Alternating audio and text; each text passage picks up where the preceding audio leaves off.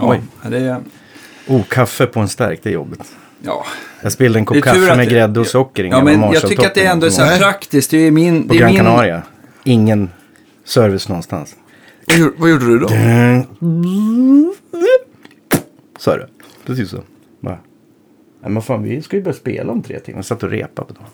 Nej, då hade vi en tekniker som hette Santiago, fantastisk spanjor. Han bara, I fix, tog han den. Så gick han ner. Men vad hände? Du ställde kaffekoppen på, på Ja, du vet toppen och så- Marshalls och så- gamla de där, de har ju ventilationen Där på uppe. ovansidan. Ja. Ja. Där bara, rakt ner med socker och grädde. Det bara rann ju liksom över el34 där nere. så, och så tog han ner den i, i, i verkstaden den där. Och så bara, kom han tillbaka efter några timmar. Fix! Så, han. va? Ja, då hade han åkt in till Las Palmas och köpt nya rör. Och så hade han kört hårtork och trasor och grejer. Han, fix, han fixade allt. Sjukt bra vaktmästare på hotellet. Nej, fix! Fantastiskt. Så när det var klart, fix. Han lagade min GP8 också. Jag hade en gammal GP8. Det kan vi ju prata om också. Ja, Den ligger sån här- Den såg ut som en banan efter ett tag. Du vet, För, den, av värmen eller? Nej, för att det... nej, men vad fan, det gick inte att byta program liksom. Det bara, pff, pff, och de skrattade åt mig i bandet. Per Åström var med en gång upp från Ljusdal. De bara eh, veks av skratt. Jag blir galen, du vet. Man, ska ju byta, man, man vill ju byta rätt snabbt när man väl kommer på att man, nu ska jag ha lite delay och rent. Och där ska. Så gav jag den till honom. I fix. Och någon timme senare, fix. man har ingen aning vad han gjorde. Alla behöver Santiago. Santiago, du, vilken hjälte. Alltså. Ja. Vilket hotell var det? Det var på Flying Glass i eh, Gran Canaria. Ja. Fix. Fix. Fi- I fix. Ja. fix. Ja, det rullar, du får sparka igång.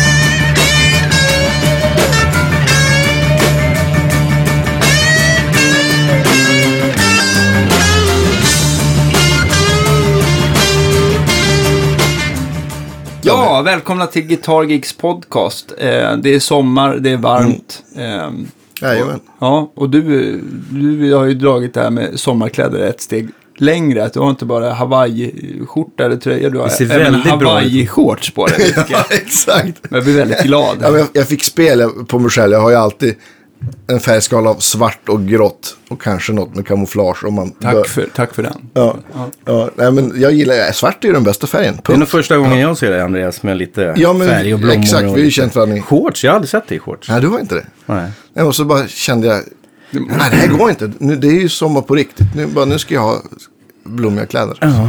Ja. Så kan det vara. Ja, Får man fråga vad du har köpt dem där? Här är H&M. Jaha, Tröjan vet jag inte, men byxorna är H&M i alla fall. ska nog åka till H&M nu. Jag vill Ja. ha en sån där dress. Ja. Raxi kommer bli en ny, ny musikerstandard. Var. Ja. Underbart. Eh, Och eh, idag har vi faktiskt eh, en, en, en gäst som kanske har blivit omnämnd flest gånger eh, i våra program. Ja, definitivt. alltså så här, han ska vi ha. Ja. Han måste vi eh, ha med. Ja, eller vi har så här refererat till, till, Ja. till Lasse flera gånger. Så. Jo, men Lasse har ju testat och då sa vi liksom så att... Folk tror väl att jag bor i en Tube Screamer-låda eller någonting sånt. Men så är Nej, det tror jag inte. jag, jag tror, de tror att du är allvetande. Jag då. det var en, en gammal så här, eh, eh, eh, mer en fastkartong eller någonting. Ja, kanske. Ja. Ja, jag hade en ett tag faktiskt. När mitt täcke gick sönder. Då Ja. hade jag en fast kartong. Fast, du, fast taket är ju, är ju fäst med en gummisnodd, eller hur? Ja, Ja, det, precis. Det, man sover bättre då. ja exakt. Nej, men välkommen till podcasten. Ja, men Ja, tack. skitkul. Lasse Bjurhöll. Ja, men tack så mycket. herrar. Ja, En, en ära faktiskt. Ja, Jag har hört Ja. många av era program. Och, Ja. eh, mycket fina gäster som ni har haft. Sådär. Så jag vet inte riktigt vad jag gör här. Håller på. jo. Nu Vet har vi en, ännu en. Det vet jag. Ja. För att det, här kan, det här kan ju till min glädje och Andreas glädje Mm. spåra ur åt vilket håll som helst. För att du har nämligen kanske provat eh, saker eh, på ett eh, mer ingående, eller vad ska man säga, detaljerat sätt och nördat ner det som ingen annan jag känner. Så att eh, vi får se hur det, vi får se Ja, hur, precis. vart, det, vart det bär av någonstans helt enkelt. Vi, Ja. vi kan väl börja prata lite grann om, ja, men om dig och din historia. Ja, och, precis. och lite sådär. Och så Ja. Så kommer vi garanterat till paffar och magneter och rör och högtalare och sånt. Ja. Vad, vad det lider. Förstärkare Ja, och mm, låter skoj. Ja. Men, men eh, när fick du din första gitarr? Eh, jag tjatade faktiskt till med min mamma. Jag tror det var 81 90 eller något sånt där. Som jag faktiskt fick min första gitarr. Jag, jag började rätt sent, alltså, eller sent och sent, men jag var nog 14 typ. När, jag, när jag började spela gitarr. Jag sjöng mycket när jag var yngre i skolan. Och med mina föräldrar som pappa sjöng och spelade munspel och lite sånt där. Och så att det liksom var min kontakt med musiken så här, tidigare. Ända från jag var jätteliten. Men... Ja, det var nog 81 tror jag. Ja. Och då fick jag en, en Washburn. De heter Raven. Jag vet inte om ni kommer ihåg dem. En eh, japanska. Man säger inte något särskilt dyrt. Men jag tjatade på mamma och så fick jag en sån. Washburn Raven. Cherry Sunburst tror jag det var. Och så en Music Man 212. Men du började på elgitarr rakt in. Det Ja, var inte ja. någon Landola skolgitarr Nej, här? nej, utan faktiskt den- inte. Levin Jesus-knäppare. Det är klart Ja. att på skolan, man provar ju lite grann sådär och smög lite. Men jag hade, det var faktiskt en elgitarr som var först. Ja. Mm. Och, eh, vad, vad tyckte din mamma efter investeringen när det började låta hemma? Alltså jag, det finns lite roliga grejer där. Ibland så, så försvann strömmen helt plötsligt. och så, och så ehm, eh, kommer jag ihåg första åren där. Man satt inne på rummet och, och sådär. Spelade lite för starkt kanske så. Och så gick jag ut. Min mamma är ganska kort. Eller var ganska kort. Hon finns inte mer nu tyvärr. Men då stod hon på en stol, köksstol vid proppskåpet ute i hallen. Och slog av strömbrytaren. nu måste det sluta, sa hon på Dalarna. Hon är från Dalarna. Ja, men du är uppvuxen i Dalarna? Ja, hälften kan man säga. Min mormor och morfar är från Borlänge. Eller ja.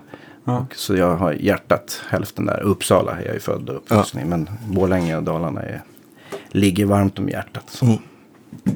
Ehm, ja, nej men precis. Så Så, det var, så hon bara, nu, nu får det vara nog. Ja, det var, det var lite så här, det blev lite roligt faktiskt. Även fast jag förstås blev ingen glad. Men Nej. ändå så kunde man inte göra annat än smälta när man ser sin mor stå på en stol och slår av strömbrytaren. Ja, Ja. helt.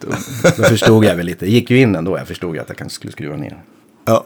Nej, men det var så. Man satt på pojkrummet där och lyssnade på planka som många andra. Så jag började inte liksom musikskolor och sånt förrän mycket senare. Och tog tag i sånt. Så det var väl... Hade du någon sån här polare eller något som du spelade med? Ja, det roliga var att jag hade en kompis också som satte upp trumset. Vi bodde ju i lägenhet. Mm. Så vi körde bara gitarr och trummor inne i mitt rum. Förstår du att grannarna var ganska...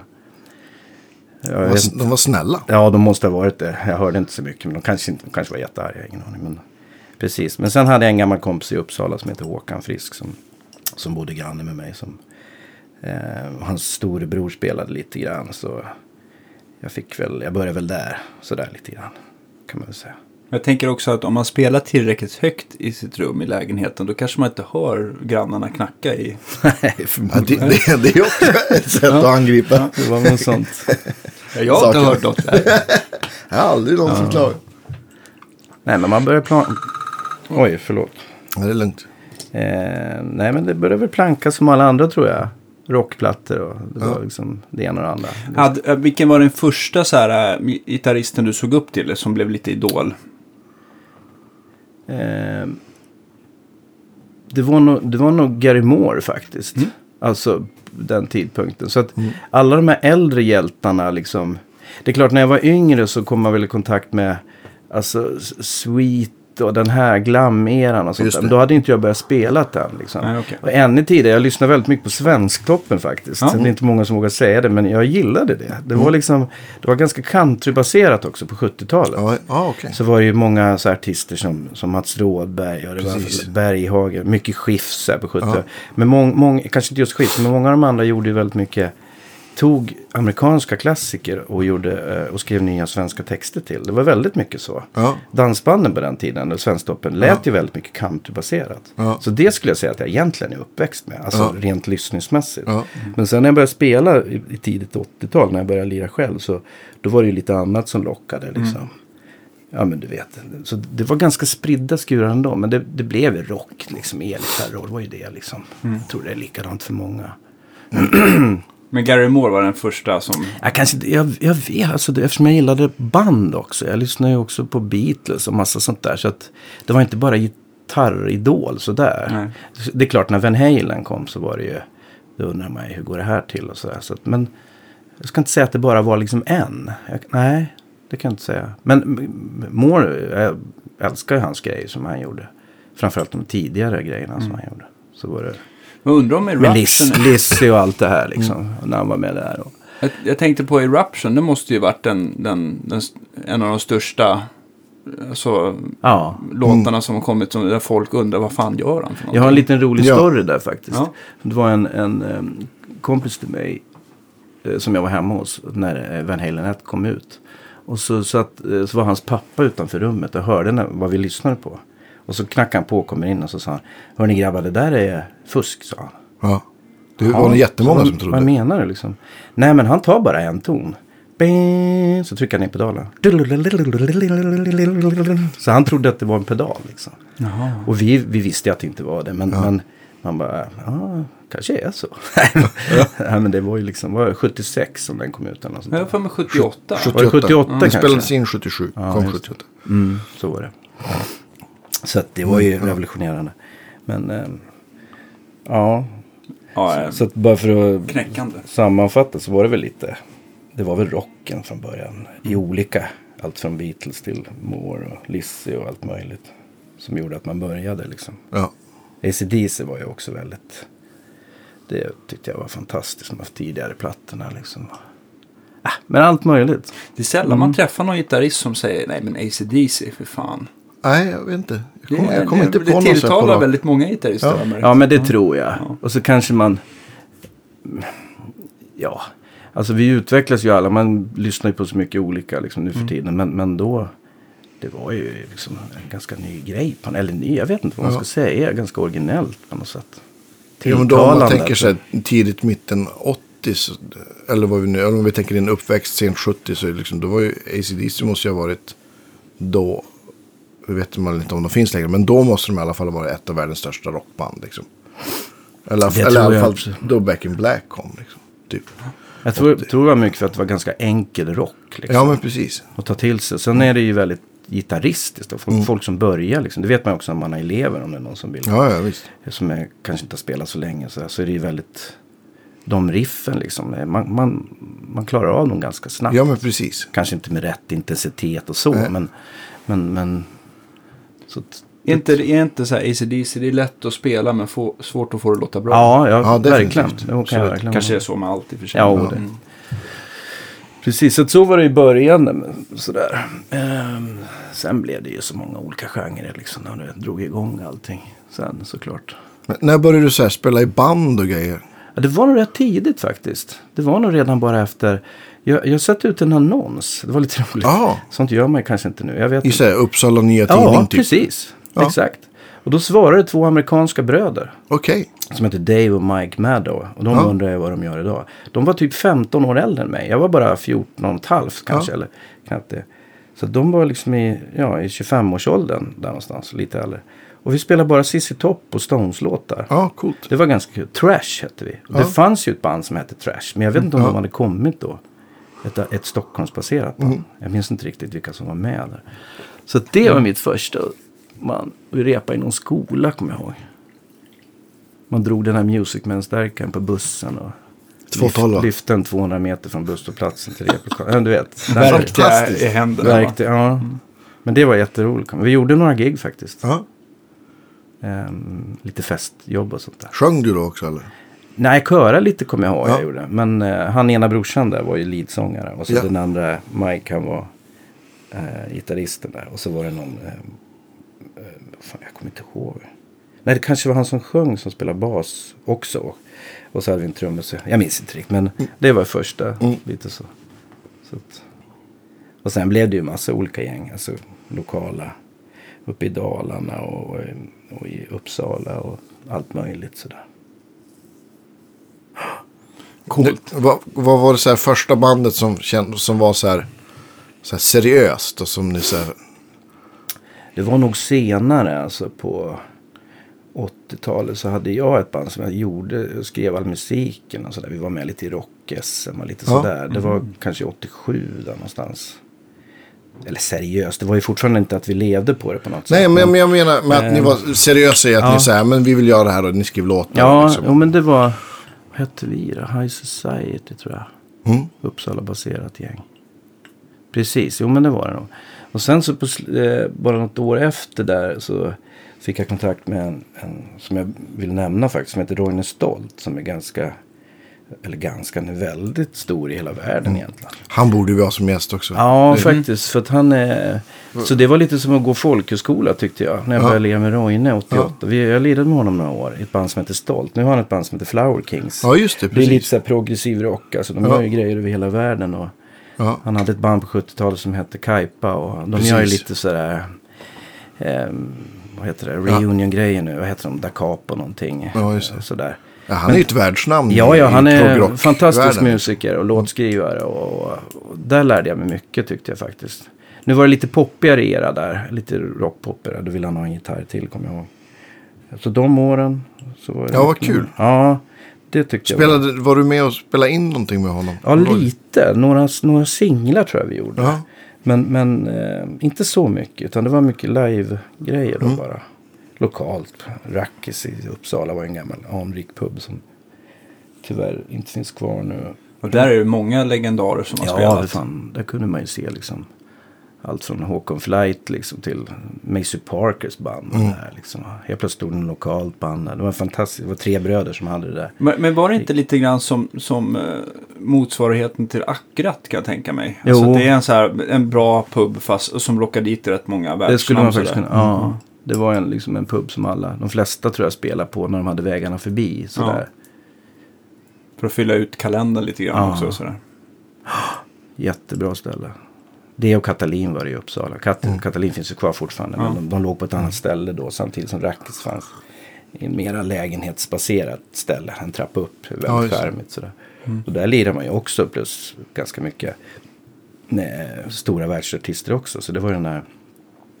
Den tiden var faktiskt väldigt kul tycker jag. Fanns det inte något ställe som heter Fredmans också i Jo, Uppsala? precis. Just det. Ja, just Men det. det brann, brann väl ner eller någonting? Jag vet inte om det finns kvar längre. tror inte jag det. är, Nu spelar den på också. Rackis var ju innan Ja. min tid. Men... Eller innan och innan. Men det måste alltså, Rackis måste ju lagts ner någon gång runt millennieskiftet kan jag tänka mig. Va? Ja, nu minns inte jag riktigt. Ulf där som var drivande, den ena bro- brodern där. Han gick ju tyvärr bort för några år sedan. Han jobbade på Katalin sista Okej. åren. Efter Rackis la ner. Ehm. Ja, jag kommer inte ihåg vilket år de... Ah, jag minns inte. Fanns det, fanns det många eh, gitarrbutiker att dregla i eh, Ja, vi Eh, hade ju... mm, Uppsala? Eh, precis. Ja, det var väl Uppsala musikverkstad. De finns kvar fortfarande. Väldigt trevligt gäng. Mm. De jobbar väl kvar de flesta tror jag. som tror jobbar jag. redan. Henka Ja, är väl en, Exakt, precis. Han började jobba där. en av de trevligaste. Innan jag hade flyttat. Ja, Mm. eh, precis. Det var väl där. Ja, men det var väl typ den som man... Hängde i. Ja, men precis. Det, det måste jag nog säga. Ja. Mycket bra. Så att- Alltid bästa bemötandet. Ja, Ja. Ja. de är bra. De är bra. Det är väl dit man går också, bästa bemötandet. Ja, Ja. Mm. det är. Vad hände sen då? Du spelade i Roines band. Ja, sen fick vi ja. jobb, eh, eh, precis. Sen fick vi ett gäng jobb på, på Sunwing heter det. Vingrese Sunwing. De hade ju fortfarande liveband på den tiden. Ja, just det. Så det var ju för mig. Jag skulle in på en folkhögskola utanför Uppsala som heter Viks folkhögskola. Som fortfarande finns kvar. Men så fick vi det här eh, utlandsjobbet. Och spela sex dagar i veckan. Som husband då? Ja, precis. Kompa show eller? Ja, kompashower, spela cocktailgrejer när folk åt först. Sen var det ju Ja. lite dansgrejer och allt möjligt. Och det var ju en väldigt bra skola för mig kände jag. För att då, alltså det blev ju från 91 till slutet på 92, sex dagar i veckan. Det Ja. blev ju ganska länge. Vi Det är var många på, gig. Ja, vi var på Gran Canaria först i nio månader. Så var vi på Cypern i sju tror jag. Ja. Och det var en fantastisk tid när man är typ 24. Ja, år, liksom. Så att det var min skola Känns som att det lite var grann. lugnt och städat. Ja, ja, ja. Så här, jag, tror jag, jag tror jag lämnar det. Nej. Nej, men det var... Det, det var nej, men det var väl, det var väl inget överdrivet sådär. Men det är klart att det var ju lite part-time. Men he, hela grejen var ju helt fantastisk. Man var ju som en stor familj liksom. Ja. Och jobbade med alla som var med i showerna och sjöng och liksom Mm. satte upp det där. Det var, ganska, det var proffsiga grejer och det var väldigt roligt. Man liksom kom i kontakt med mycket olika musik och liksom sådär. Så det tyckte jag var lite som, som en skola igen då efter Roine-perioden. Ja, visst. Ja, men, och, och det är ju också, det går ju liksom inte... Rutin, det måste man ju liksom... Ja, det går liksom inte att öva sig till. Det finns bara ett sätt och Ja. det är bara att spela liksom. Ja, Så det är ju, Ja, att var spela sex dagar i veckan så där länge, det är ju otroligt bra. Liksom. Ja, det var det. Väldigt rolig tid liksom. Och det är inget man skulle kunna göra nu tror jag. Kanske någon vecka eller två skulle jag. Men inte åka ut en säsong liksom. skulle man ju vara fullkomligt mörbultad. Ja, det tror jag men inte pallar riktigt alltså. Men sen, ja, sen blev- började jag i musikskolorna så jag drog till Los Angeles och gick på MI där och som många andra svenskar gjorde. Ja, just du- det. Hur bara- länge var du hemma i Uppsala då innan du drog till MI? Jag var bara hemma och vände i stort sett. Jag sökte från Cypern sista jobbet. Eller sista perioden vi jobbade. Alltså. Eh, Och då fanns det fanns ju inget internet eller någonting. Så då skickade man brev. Och man fick skriva i hur mycket teori och sånt där man kunde. Man kunde läsa noter. Och man fick skicka kassettband. Kommer jag ihåg. Så de hjälpte mig att spela in en tape. Så att vi, jag spelade in någon Larry Carlton-låt och lite olika grejer. Så kompade de mig i bandet. Så vi satt bara upp en mick liksom, på Ja. scenen. Mitt på dagen tror jag. Ja. Eh, Room 335. Ja, det, faktiskt. Ja. Den var en av de som jag Ja. spelade in då. Eh, ja, men de ville väl veta bara liksom. Att de flesta kommer ju in där. Det är bara att det, de placerar ju folk i, i, eh, i grupp beroende på hur, hur Nivå, man ligger. liksom. Lite rangordning. Ja, men precis. Så, och det var ju också ett fantastiskt år liksom. När man är 25 liksom. Då blev man ju verkligen nedskjuten på jorden liksom. Och, och då började jag intressera mig av jazzigare grejer. Så jag ville veta vad jag höll på med och lite sådana grejer. Vad är, varför heter det ackordet så? Hur funkar det med det här? Och då drog Ja, den just. tiden. Och det var ganska sent. Jag tog inte tag i det där förrän jag var 24. Jag har liksom bara gehörspelat sedan jag var 14 liksom. Och det är inget jag ångrar heller faktiskt.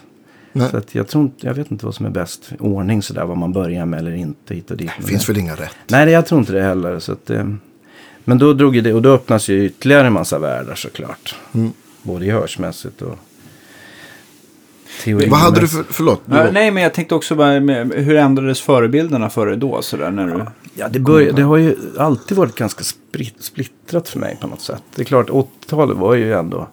Då hade man ju fortfarande från 70-talets rock och även 80-talsgrejerna som kom. Men det var liksom...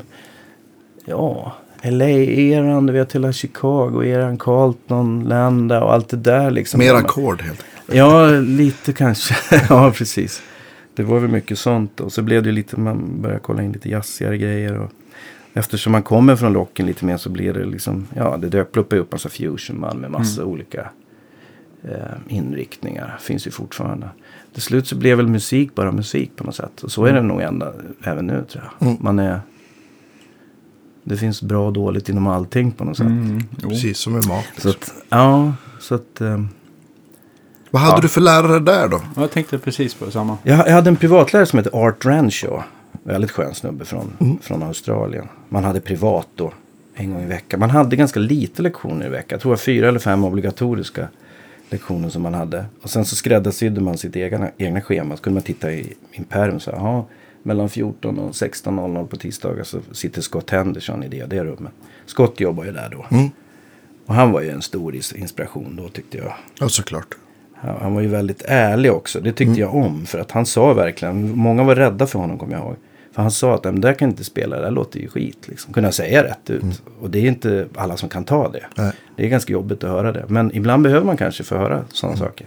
Men han kunde vara lite bufflig ibland när han pratade. Jag vet inte om alla känner till honom här som lyssnar. Men, men han, och han kommer ju liksom från Joe Zawinul jazz. Men han är också rock'n'roller från Ja, början.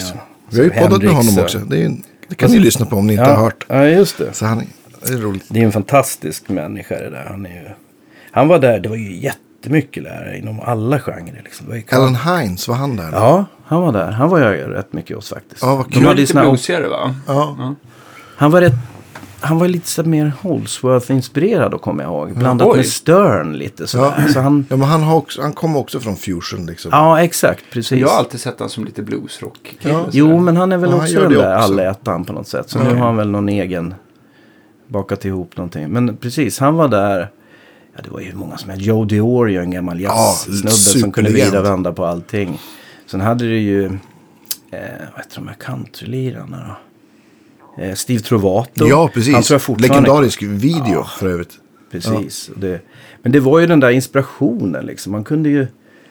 P100 hette den här stora eh, aulan som fanns på skolan. Och varje, inte varje dag kanske, men jag kommer inte ihåg många gånger i veckan. Men det kom ju liksom. Helt plötsligt var det Clinic med Pat Metheny eller det var Robin Ford hade någonting. Och Ja. Så lirade något band som var...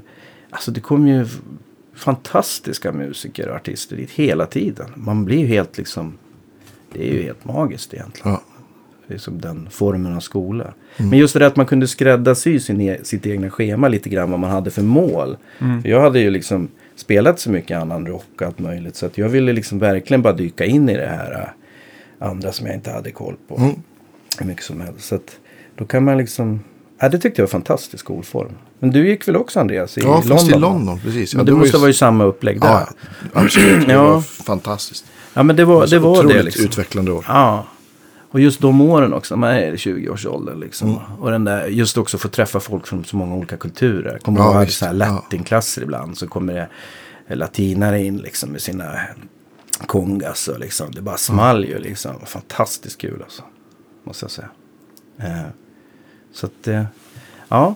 Nej, men har, har du kontakt med någon från den tiden? Sådär. Du, har du hittat någon på Facebook? Sådär? Jag har letat lite men jag har faktiskt inte... eh, Nej. Det var ju folk från alla världens hörn. Kommer ihåg, jag hade en tysk i min klass som hette Sebastian. Jag minns inte hans efternamn. Sjukt bra va? Ja. Lite amerikaner och Kanada. Och det var folk från Sydamerika. Någon från Israel. Som ja. Några skandinaver? Nej. Jo, det var det ju. Mm. Det var ju mycket svenskar. Vi hängde ju sådär såklart. Jag har lite kontakt med lite folk. När jag talar om Mattisson Basis. En, en kille som gör basar. ja, ja, absolut. Mm, han, han är en basist då, men Ja. med Vik. eh, Vi hängde Ja, vad kul. Sådär. Jättebra basist då. Nu, gör- nu gör han ju egna basar, jättefina. Precis. Han var där och sen har jag en kompis till honom som heter Magnus. Som Örebro. Baserat Mm. folk liksom. Så det var lite sprida skurar. Vad lirar du på då?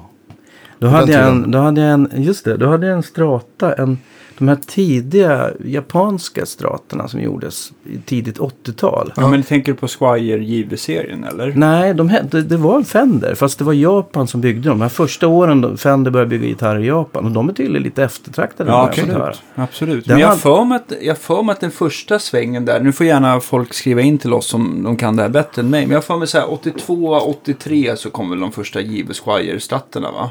Och sen så har jag för mig att då, det som de satte Fender-logga på, det, han, det var inte förrän mitten av 80-talet. Men jag kan ha fel. Det är möjligt att du har rätt där, att det fanns även Fender från typ tidigt 80. Ja, för den, eh, precis. Jag vet inte hur tidigt den här var, eller vilket år den var gjord. Men ja, det, det, det var en Fender i alla fall. Ja, mm. Den hade jag. Den, man hade ju single coil först på såklart. För det var ju från, så från fabriken. Men sen, jag tror jag hade såna här Seymour Duncan 59 i den där. Mhm. Som jag bytte i USA. Jag gick till någon där. Så jag hade i Lite inspirerad av Scott kanske? Ja, men jag tror det var något Ja. sånt faktiskt. Han, ja, men just det. det han hade liksom strata med två Ja, handbackers då. liksom. precis. Bara två humbuckers. Ja, Ja. exakt. Ja, men så var det nog. Fast jag vet inte riktigt om jag diggade de mickarna så mycket. Men, men ja, man skulle ha det då. Mm. Tyckte jag i alla fall. Så den hade jag faktiskt i många år. Jag har ju aldrig varit sådär att jag har haft liksom så här 80 gitarrer samtidigt. Utan jag har haft typ en bara. Mm. Två. Och sen kanske man har bytt till en annan. Som har sålt den. Så att Mm. jag har liksom aldrig haft. Nu har jag ju fem eller sex kanske. Men, men lite sådär. Men ja, då hade man en. Men du har sjukt många förstegsrör. Vi kommer dit, vi kommer dit. ja. ja, eller ja, har jag det? Ja. Jo, det har du. Ja. Nej, men eh, precis. Ja, Ja, Nej, men du var, där, vad sa du, du var där 92, 93 då, typ så här. precis. Ja. Exakt. Och så sen, ja, så, sen, sen flyttade du hem och Ja, då hade jag varit borta så. 94, sen 91 från Sverige. Ja, shit alltså. Tre år blev det ungefär. Det var konstigt att sitta i lägenheten igen som man har hyrt ut. Alltså. Men var du så här väldigt mycket för, för pedaler och prylar och förstärkare då? Eller när, växt, var- när växte det fram? Precis, det, var det, det är det som är så roligt att du säger. För det var man ju inte. Nej. För, för det första fanns det inte så Nej. mycket liksom. Eller det gjorde det kanske, men man... Vad ska man säga? Jag hade, jag hade en Folkesson Marshall. Som, jag modde, som han fick modda. en fin gammal 68 plexi Marshall liksom. Det hade man inte gjort om nu. Men, men, Men, eh, men, men var det en sån som man gjorde, gjorde, Alla en, gjorde tre, gjorde en trekanalare av Ja. och bara lite i baksidan? Eller? Precis. Och sen hade jag en sån här. Och den hade, jag kommer inte ihåg när jag köpte den. Men det var väl redan tror jag under ståltiden hade jag nog den. Mm. Och sen sån här 212 Marshall jubileelåda. Kommer du ihåg de här gråa 212? Ja, oh, ja. Ja, just det. En sån. här. Jag hade 412 också. Jag hade 8. Vad, vad, vad satt det för element i dem? Var Jag de här tror- 71? Ja, jag eller? tror det var 75 erna GT 75 75 också. erna. Men jag hade lite andra lådor också, också sådär. Eh, någon EV-låda skaffade jag också, sån här 112. Vilka var det som gjorde dem? Var det Mesaboge kanske som gjorde dem? Mm, just det. Men de var så stiffa tyckte jag till just Marshall. Det funkar inte riktigt så. Men eh, precis, och sen hade jag en sån här GP8 som folk retade mig för, kommer ihåg, senare. sen på 90-talet. Men jag tyckte den funkar bra. Man, man, Men, men den var väl, var det inte analoga effekter i den? Var det inte det som gjorde att den var liksom... Eller tänker jag på någon annan? Det var den här Roland gitarr. Ja. Den, den, den, eh, de gjorde en variant till sen som heter GP16. Den hade jag aldrig. Men, men den kunde man byta. Det finns något som heter external control. Så man kunde programmera att, man, att den kunde byta kanaler i Folkesson-toppen. Perfekt. Så, så det, precis. Och så tog jag delay och lite reverb från den. Det var väl typ det. Till effektloopen liksom. Ja, det fanns ingen loop Nej. jag. Eller gjorde det det? Fan, nu sitter jag här och svamlar. Jag vet faktiskt inte. Jag kommer inte ihåg jag gjorde. Jag vet bara att jag använde den där till. Och jag kunde liksom programmera att nu ska jag ha eh, disk, den diskkanalen och så ska jag ha lite delay och så Ja. reverb där. Och sen så tryckte man igen och så blev det rent och slog den om Marshall, eller ja, Marshallen då. Ja. Och la på det andra som jag ville sådär. Det var väl typ det. Så kanske man hade något kor som man ville låta lite slickt liksom. Ja. Men den, sen, ja. Den Var det- hade jag en massa år. Tills det blev lite, man ville spela lite mer funkare. Så jag ville ha lite mer Fender sound. Så då drog det igång med massa andra saker. Men Mm. den där hade jag ganska länge. Också under eh, Sunwing-åren. Ja. Den tog jag med ner till. Precis. Och Jag funderar på om... Gick som en klocka. Nej, det var ju det där GP8-bordet. De skrattade åt mig i bandet, kommer jag ihåg. Jag stod och stampade på det där jäkla bordet liksom. Det, det blev- ju glapp hela tiden. Ja. Då hade vi en, en tekniker på hotellet som lagade den där hela tiden. Jag, måste, jag har för mig att de där var, var analoga. Alltså så här... Men det är just det, de Kompressor var ganska brusiga vill jag minnas. Ja. Men, Ja, om man tog dist från den så, det gjorde ju jag aldrig då. Nej. nej. Då det. kanske det, den gillade jag aldrig. Den lät för liksom digital. Det kommer jag ihåg att jag tyckte redan då. Jag visste inte varför jag tyckte så, men jag tyckte så. Så jag ville ha liksom overdriven från. Utvecklad från Vattenfall med allt brus. jo, Sponsrad. Men det var väl lite smidigt sådär. Ja, men man, som du, om jag ska fråga, eller svara på det du frågar så. Nej, man tänkte inte så mycket. Man hade det man hade så. Körde man. Ja, men på något sätt. Men eh, jag tänkte på, du hade den här Japanstratan i alla fall med Mm. f- 59. Så vad, vad bytte du ut den mot? Eller gick du runt mycket på de här Sunset Boulevard och, och Jag klämde och gjorde, ju, kände? jag gjorde ju inte det. Faktiskt. Jag var inne och köpte en Wawa kommer jag ihåg. En Crybaby på Guitar Center typ. Mm. Jag gick inte i några vintagebutiker eller någonting. Det var ju liksom inte. Man tänkte inte på det då. Nej. 93 liksom. Mm. Det hade ju inte dragit igång den där grejen liksom. Nej. Så att. Eh, nej, jag, Och jag, man passade inte på att köpa där borta för att det var kanske lite billigare. Eller? Nej, det, det, hade jag, det skulle jag ha gjort så här i efterhand så hade ju det varit fantastiskt. Mm. För då hade man väl fort, på den tiden hade man väl fortfarande kunnat fått bra deal liksom. Mm. Sådär. Men nej, jag köpte en wow, wow strängar och sånt där såklart. Men, men Mm. jag hade min strata där under hela året. Liksom. Jo, jag, vänta nu. Jo, men vänta, jag köpte en sån här Robin Ford Fender. Som Jaha, okej. Vad heter Alltså de? som en 335. Ja, Ja, just det. Med exakt. lite spetsigare horn. En sån köpte jag av en, en, en kompis på skolan. Okej.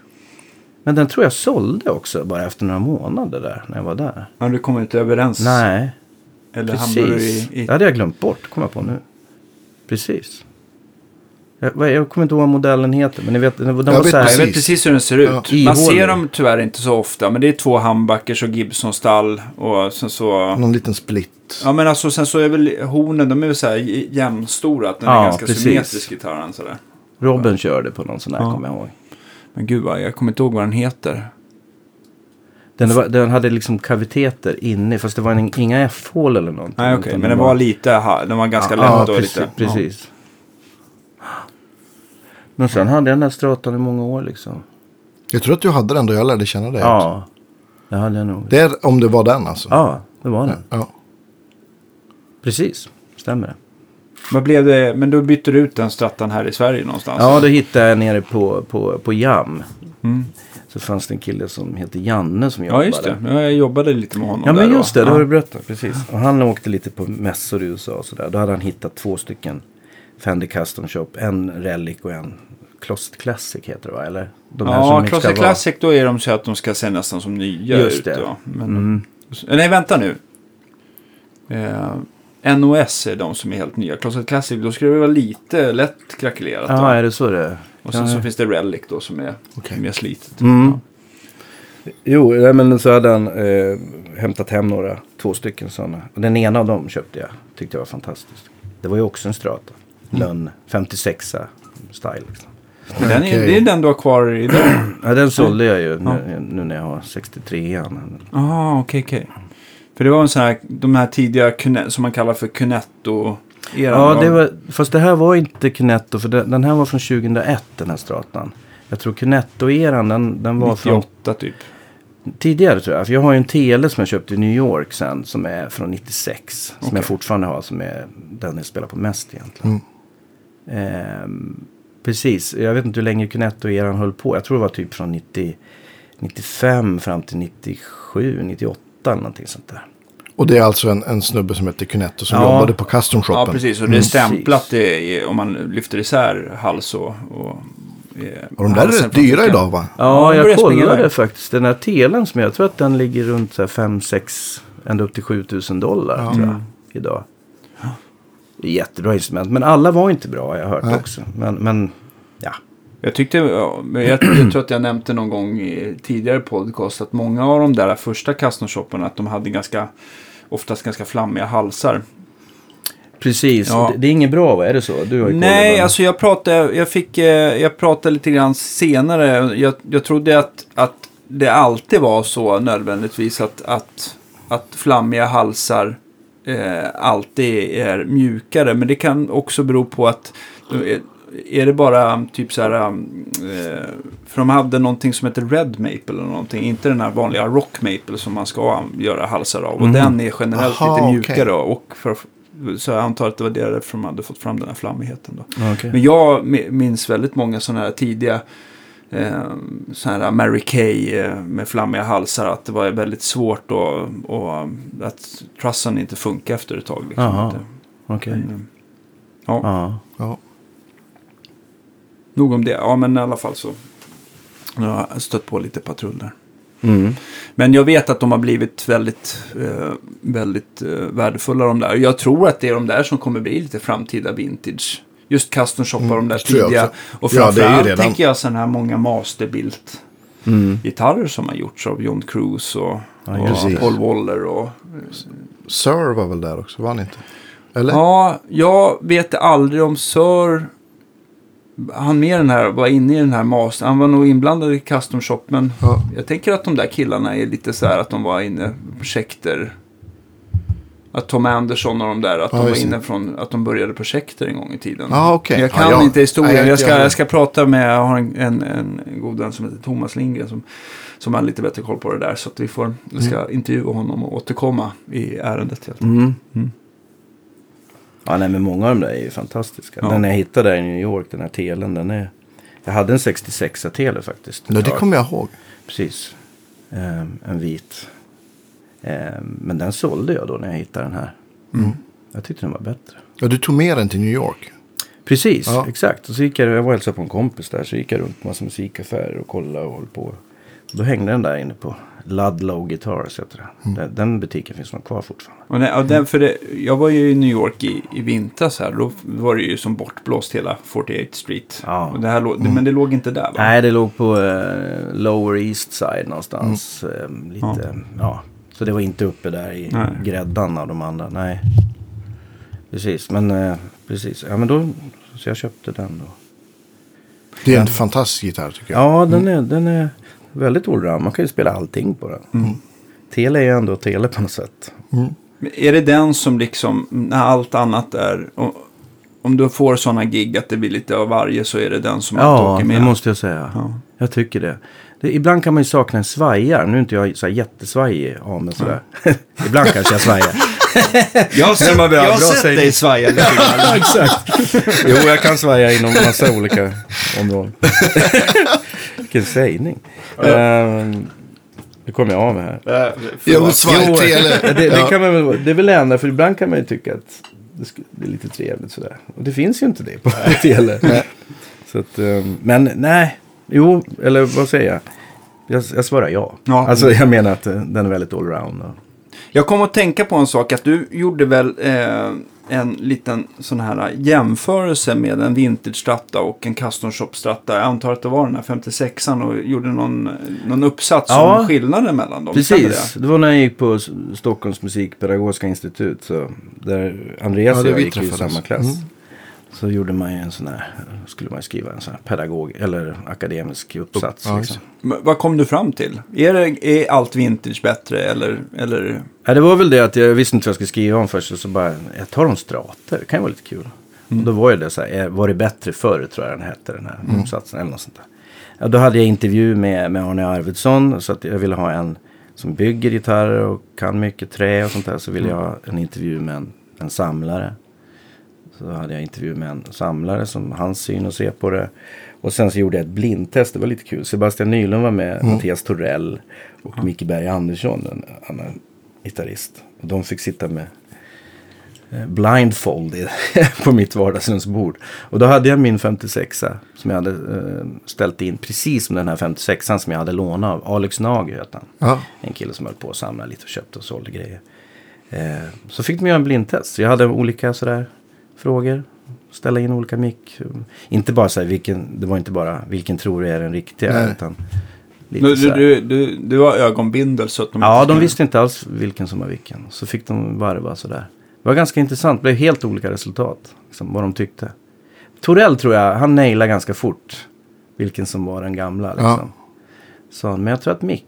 Sen var det ju också andra frågor. Liksom, vilken tycker det låter bäst i halsläge eller och sådär. Ja, just det. det är inte bara vilken. Spelbarhet. Ja, men precis. Hade du originalmickarna i bägge gitarrerna då? Eller Ja. du, ja. Tror jag.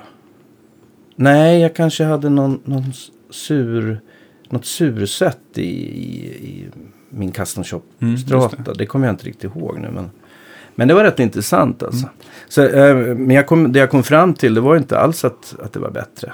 Man kan inte säga det, utan det är ju ändå X till X. Men generellt tycker jag det i alla fall, måste jag säga. Man är lite vintage-nörd och sådär. Det är inte bara för att det är dyrt eller hippt på något sätt, utan det Äldre instrument har ju någonting ändå, Ja. lite extra. Jag kan inte riktigt ta på vad det är, men, men det kan vara mycket Rosewood. Nu var det här Lundstraten, men Mm. framförallt när det är Rosewood-gitarrer så tycker jag att det är en speciell ton. Det blir lite plingigare av de här Brazilian-brädorna tycker jag generellt. Det känns som att det är lite... Ja, det är någon stadga på något sätt som jag alltid tycker mer av i gamla, äldre instrument. Vad det än är, om det är 335 eller telar eller vad det är. Det är någonting alltså. Sen är det väl lite mojo, att man vill att det ska vara så också. Ja, såklart. hur? Ja. Men jag, jag vet inte, jag kan inte. Ja. Så vi, jag, jag kommer inte fram till något. Men det är också om man, om man hittat, alltså de gamla, om det är ett bra instrument som är spelat på mycket så blir de ju bättre också.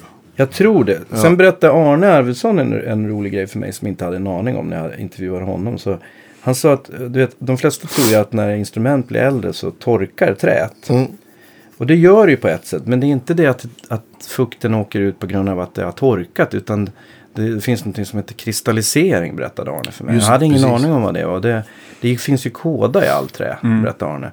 Och desto mer åren går så torkar den här kådan. Då kristalliseras Och den blir hårdare liksom. Då blir den hårdare och då kan inte fukten eller träet dra Komma åt. i och ur på samma Precis, sätt. då kan det inte komma in. Och då gör det ju att det blir torkare, eller torrare. För han hade gjort en test. Han hade köpt några träbitar Arne och skulle göra massa halsar. Berättade han för mig.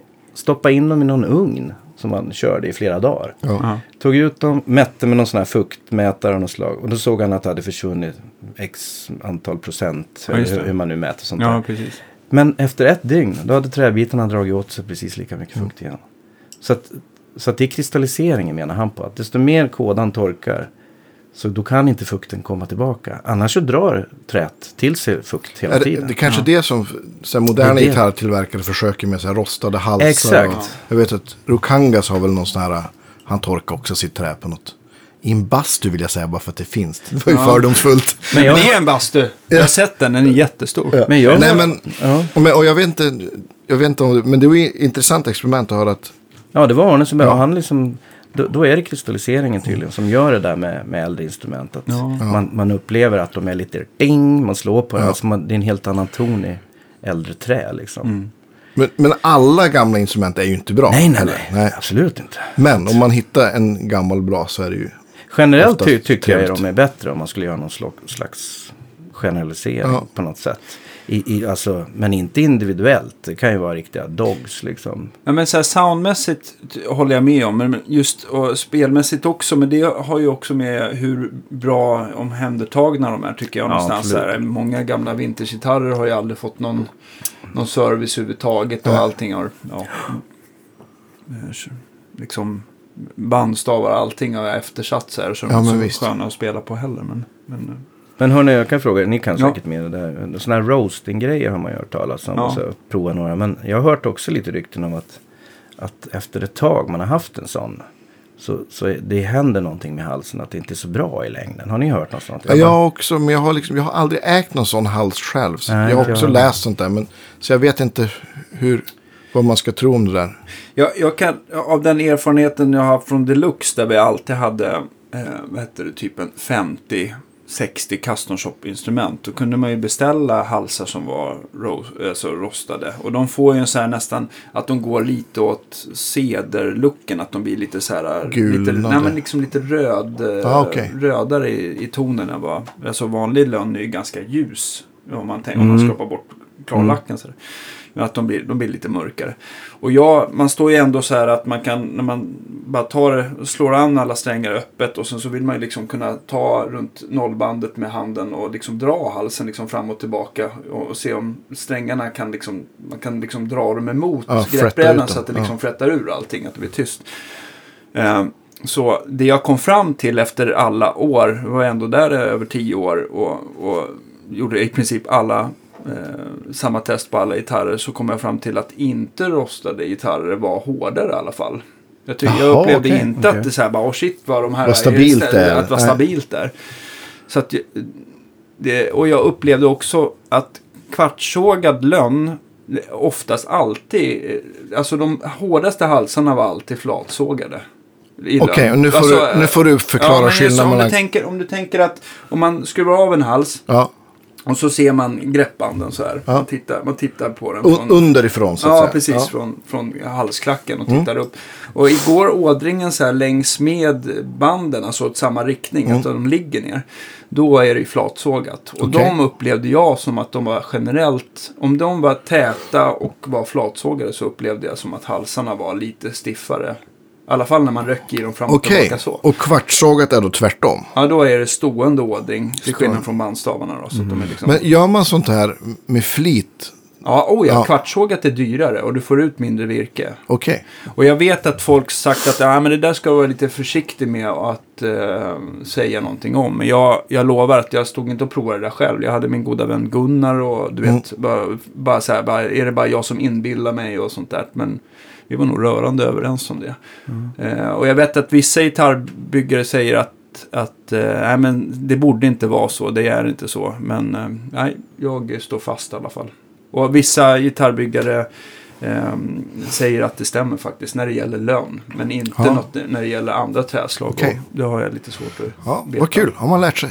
Ja, men i alla Läst fall. Så, då. Ja. så att jag provade det. Och, men däremot så har jag haft några Reverend-gitarrer här över vintern. Eh, eh, några ex som i alla fall inte har blivit sålda. Och jag vill minnas att jag tycker att, att eh, om man rostar halsen och sen så lackar de dem. De, jag tror att det är någon, någon, någon eh, polyuretanlack på dem där. Så upplever jag som att halsen ändå har rört sig mindre på dem i alla fall. För oftast eh, oavsett eh, Alltså väderpåverkan Ja, precis. eller att man, årstid. du vet så här ja. att på vintern så är det många, att eh, fukten går ur och att man får dra av lite bandkanter för att de sticker fram så där och skär det i handen. Just Det det. har jag upplevt väldigt lite med dem, att jag har fått, behövt justera dem väldigt lite. Så det kanske är så att om man rostar och att drar, drar ur fukten och sen så snabbt eh, lackar dem så att inte fukten kan gå i och ur halsarna lika snabbt så kanske det funkar. Mm. Det är bara en teori jag har, jag vet inte. Det är kul att folk håller på. Ja, absolut. Nej, men just att Ja. de försöker förbättra. Men men jag tänkte på kristalliseringen där. Var det någonting som Arne tyckte att, att man kunde påskynda? Eller det, är bara, det får vara tidens Nej, det tror tand? jag inte går att påskynda. Det, jag tror det var så. Ja. Att det är någonting som tiden gör helt enkelt. Mm. Koden stelnar då. Just det. Eh, ja, sa han till mig. Och det hade jag ingen aning om. Det var ju Arne som berättade. Så att, eh, ja. Var, var, det, var det liksom gitarrer som du började bli väldigt så här, äh, intresserad av? Eller kom allting på ett bräde? Förstärkare, förstärkarrör, pedaler, sladdar? Eh, När, när var det så här att du verkligen... Det var, ett, ett, två- var typ så här 2001 kanske, 2002 där först. eh, När jag flyttade hit från Uppsala Ja. till Stockholm. Och man började frilansa mer och Mm. med, med olika artister hit och dit. Och behövde lite olika sounds kanske. Alltså det blev Mm. lite så här. Man, så jag skulle säga att det var pedaler faktiskt. Mm. Lite. Stärkare såklart också men, men jo. Full drive-grejen där i början. Mm. Man hade liksom, han var väl en av de första de här. Ja, eh, precis. Boutique-tillverkarna liksom. Jag gör ju fortfarande fantastiska Ja, grejer visst. tycker jag. Fullride 2 tror jag. Jag kommer ihåg du hade en Fullride 2 Ja, Andreas. jag, jag kommer ihåg att din stärk gick sönder. Jaha. Och så lånade du min Blues DeVille. eh, min, och så hade jag, jag vet inte ens om jag hade det på ett pedalbord, men jag hade en Fullride 2 och det gröna delayet. Just det. Mm. Line 6. Ja, för din stärk hade brunnit upp och så var det så här, jag ska spela typ imorgon eller idag eller hur det var. Ja, så, och så lånade du den där. Ja, Så kom jag ihåg. precis. Ja, men det var... Då tror jag att du köpte en sån pedal sen. Ja, och den hade jag ett tag. Den gillar jag faktiskt. Mm, det hade jag också. Fullride 2. Sen köpte jag någon Vibe de hade. Vad hette den då? Desha, Desha Vibe, precis. Precis. hade jag ett tag. Och sen eh, var det mer från Fulltone då. Jag provade Koruset. Vad hette det? Det var något grönt stort. Just det, exakt. Nu, Jag ser det framför mig, jag kommer inte ihåg. Ja. Men det, jag vet inte om jag bara testade. Jag tror inte jag hade det. Men det var väl då det drog igång liksom. Ja, men köpte du inte också... Du, gick, du, köpte, du köpte en gammal, en deluxe va? Ja, och en Pro-reverb. Och en Pro Reverb, Som jag just det. köpte Så på var det. samma ställe som min tele där i New York. Just det. Där hittade jag den här 67 Blackface Pro-reverben som är 212 där. Ja. De köpte jag samtidigt då. Skeppade du hem dem till Sverige då på något vis? Eller? precis. Ja. Så att, eh, exakt. Deluxen köpte jag på, på Ebay. Mm. Jag fick kontakt med någon amerikansk kille på något forum som, som, eh, som hjälpte mig att buda och lite sånt där. Så att eh, sen när han vann det, för den här personen som sålde Deluxen ville inte skicka det till Europa eller vad Ja, just. Så att, eh, precis. Så han köpte den och tog hem den till sig och så packade han i ordning den och eh, skickade den till mig. Precis, jag hade dem samtidigt. Den var ju fantastisk. Den Mm. deluxen kommer jag ihåg. Den ångrar jag faktiskt att jag sålde. Pro Reverben har jag, äger jag inte längre, men jag har den hemma. jag fick låna tillbaks den av. Den Ja. står bara hemma. Ja, just det. Han som köpte den. Precis, så den, den eh, om det är någon som är intresserad så tror jag att den är lite för försäljning. Jag har ju en gammal Twin nu så jag behöver inte den. Så att den jag tror att han som äger den också skulle kunna tänka sig sälja den. Mm. Vad är det för någonting? Det är en, En 212 med den gamla Jensen och Mm. sen är det från 60, 67. 67. Ja. Och sen är det, mm, ja, vad är det, 40 watt vad är de där? Det är som Mm. en minitwinnarna kallar de. Precis. Det, det finns inte så många Pro-reverbs kvar i Sverige. Eller Nej. kvar, jag vet inte om det togs in så många. Det finns ju jättemånga. så, Och kanske inte så många med 212 heller. eller? nej, just Pro-reverb, alltså den Ja. Fender Blackface. Ja. är inte så vanlig vet jag i Sverige. Jag har aldrig sett en 212 tror jag. Nej. Nej. Det är det som är Pro-reverb. Alltså, alltså, alltså, det är väl egentligen som att det är en, en eh, Twin fast det är två slutrör istället för ja, fyra. precis. Ja. Mini-twin kallar de den för. Ja. Den har likriktarrör också. Det har ju Mm. inte Twinnen. Den har ju Solid State likriktare. Liksom. Det Just det. låter ju som att det är en perfekt. Ja, precis. Jag har ju en hemma. Ja. Sitter där och gör reklam. Eller Ja. jag äger inte den, men jag kan nog sälja den för han, han som äger den. Han vill nog bli av med den. Mm. Behövs lite handpåläggning kanske och lite rörbyte och sådär. Den är inte i bästa skick nu, men det... Jo, men vad var det frågan? Nej, vi, vi var ju, jag vet inte vad vi var. Vi var väl på någon typ av, hur, hur du började med pedaler och grejer. Ja, vi pratade lite om fulltone och... Finns det någon mer kaffe? Ja, det finns en... eh, Nej, jag skulle inte Nej. eh, bjuda Nej. på det Nej. där för det blir lite Ja. sumpigt i våran press. Så att, eh, Jo, nej, men det, där, det var väl då när jag flyttade hit tror jag. Ja. När man började liksom lira mer professionellt. Så kanske så man behövde lite olika. Man spelar mycket olika musik och sådär. Så då blev det väl att man började titta. Sen kom väl, jag vet inte vilka år. Men jag tror att det var typ då som den här boutiquegrejen drog igång med fullton. Tidigt 90-tal där. 2000. Ja, för, förlåt. Jag säger helt galet. Ja. Precis. Ja, Tidigt men 2000. sen kommer jag ihåg också att du köpte, att du köpte, alltså från Analog Man också. Du hade så här, hans moddade Tube Screamer. Jag ihåg. Ja, precis. Han hade något som heter Silvermod. Jag vet inte om han gör det fortfarande. Jag skickade dit min gamla Tube Screamer. Eh, för de var ju sådär. Man inte kunde använda diskantkontrollen. Liksom. Drog man upp då blev det fel diskant. Och drog man ner då hade man ingen diskant alls. Liksom. Precis, den tar lite, är det att den tar lite för lågt i Ja, registret? det är något eller? konstigt med den där. Ja. Eh, precis, jag skickade den till, till analog. Man, det var så charmigt. Man la, man la pengar i batteriluckan.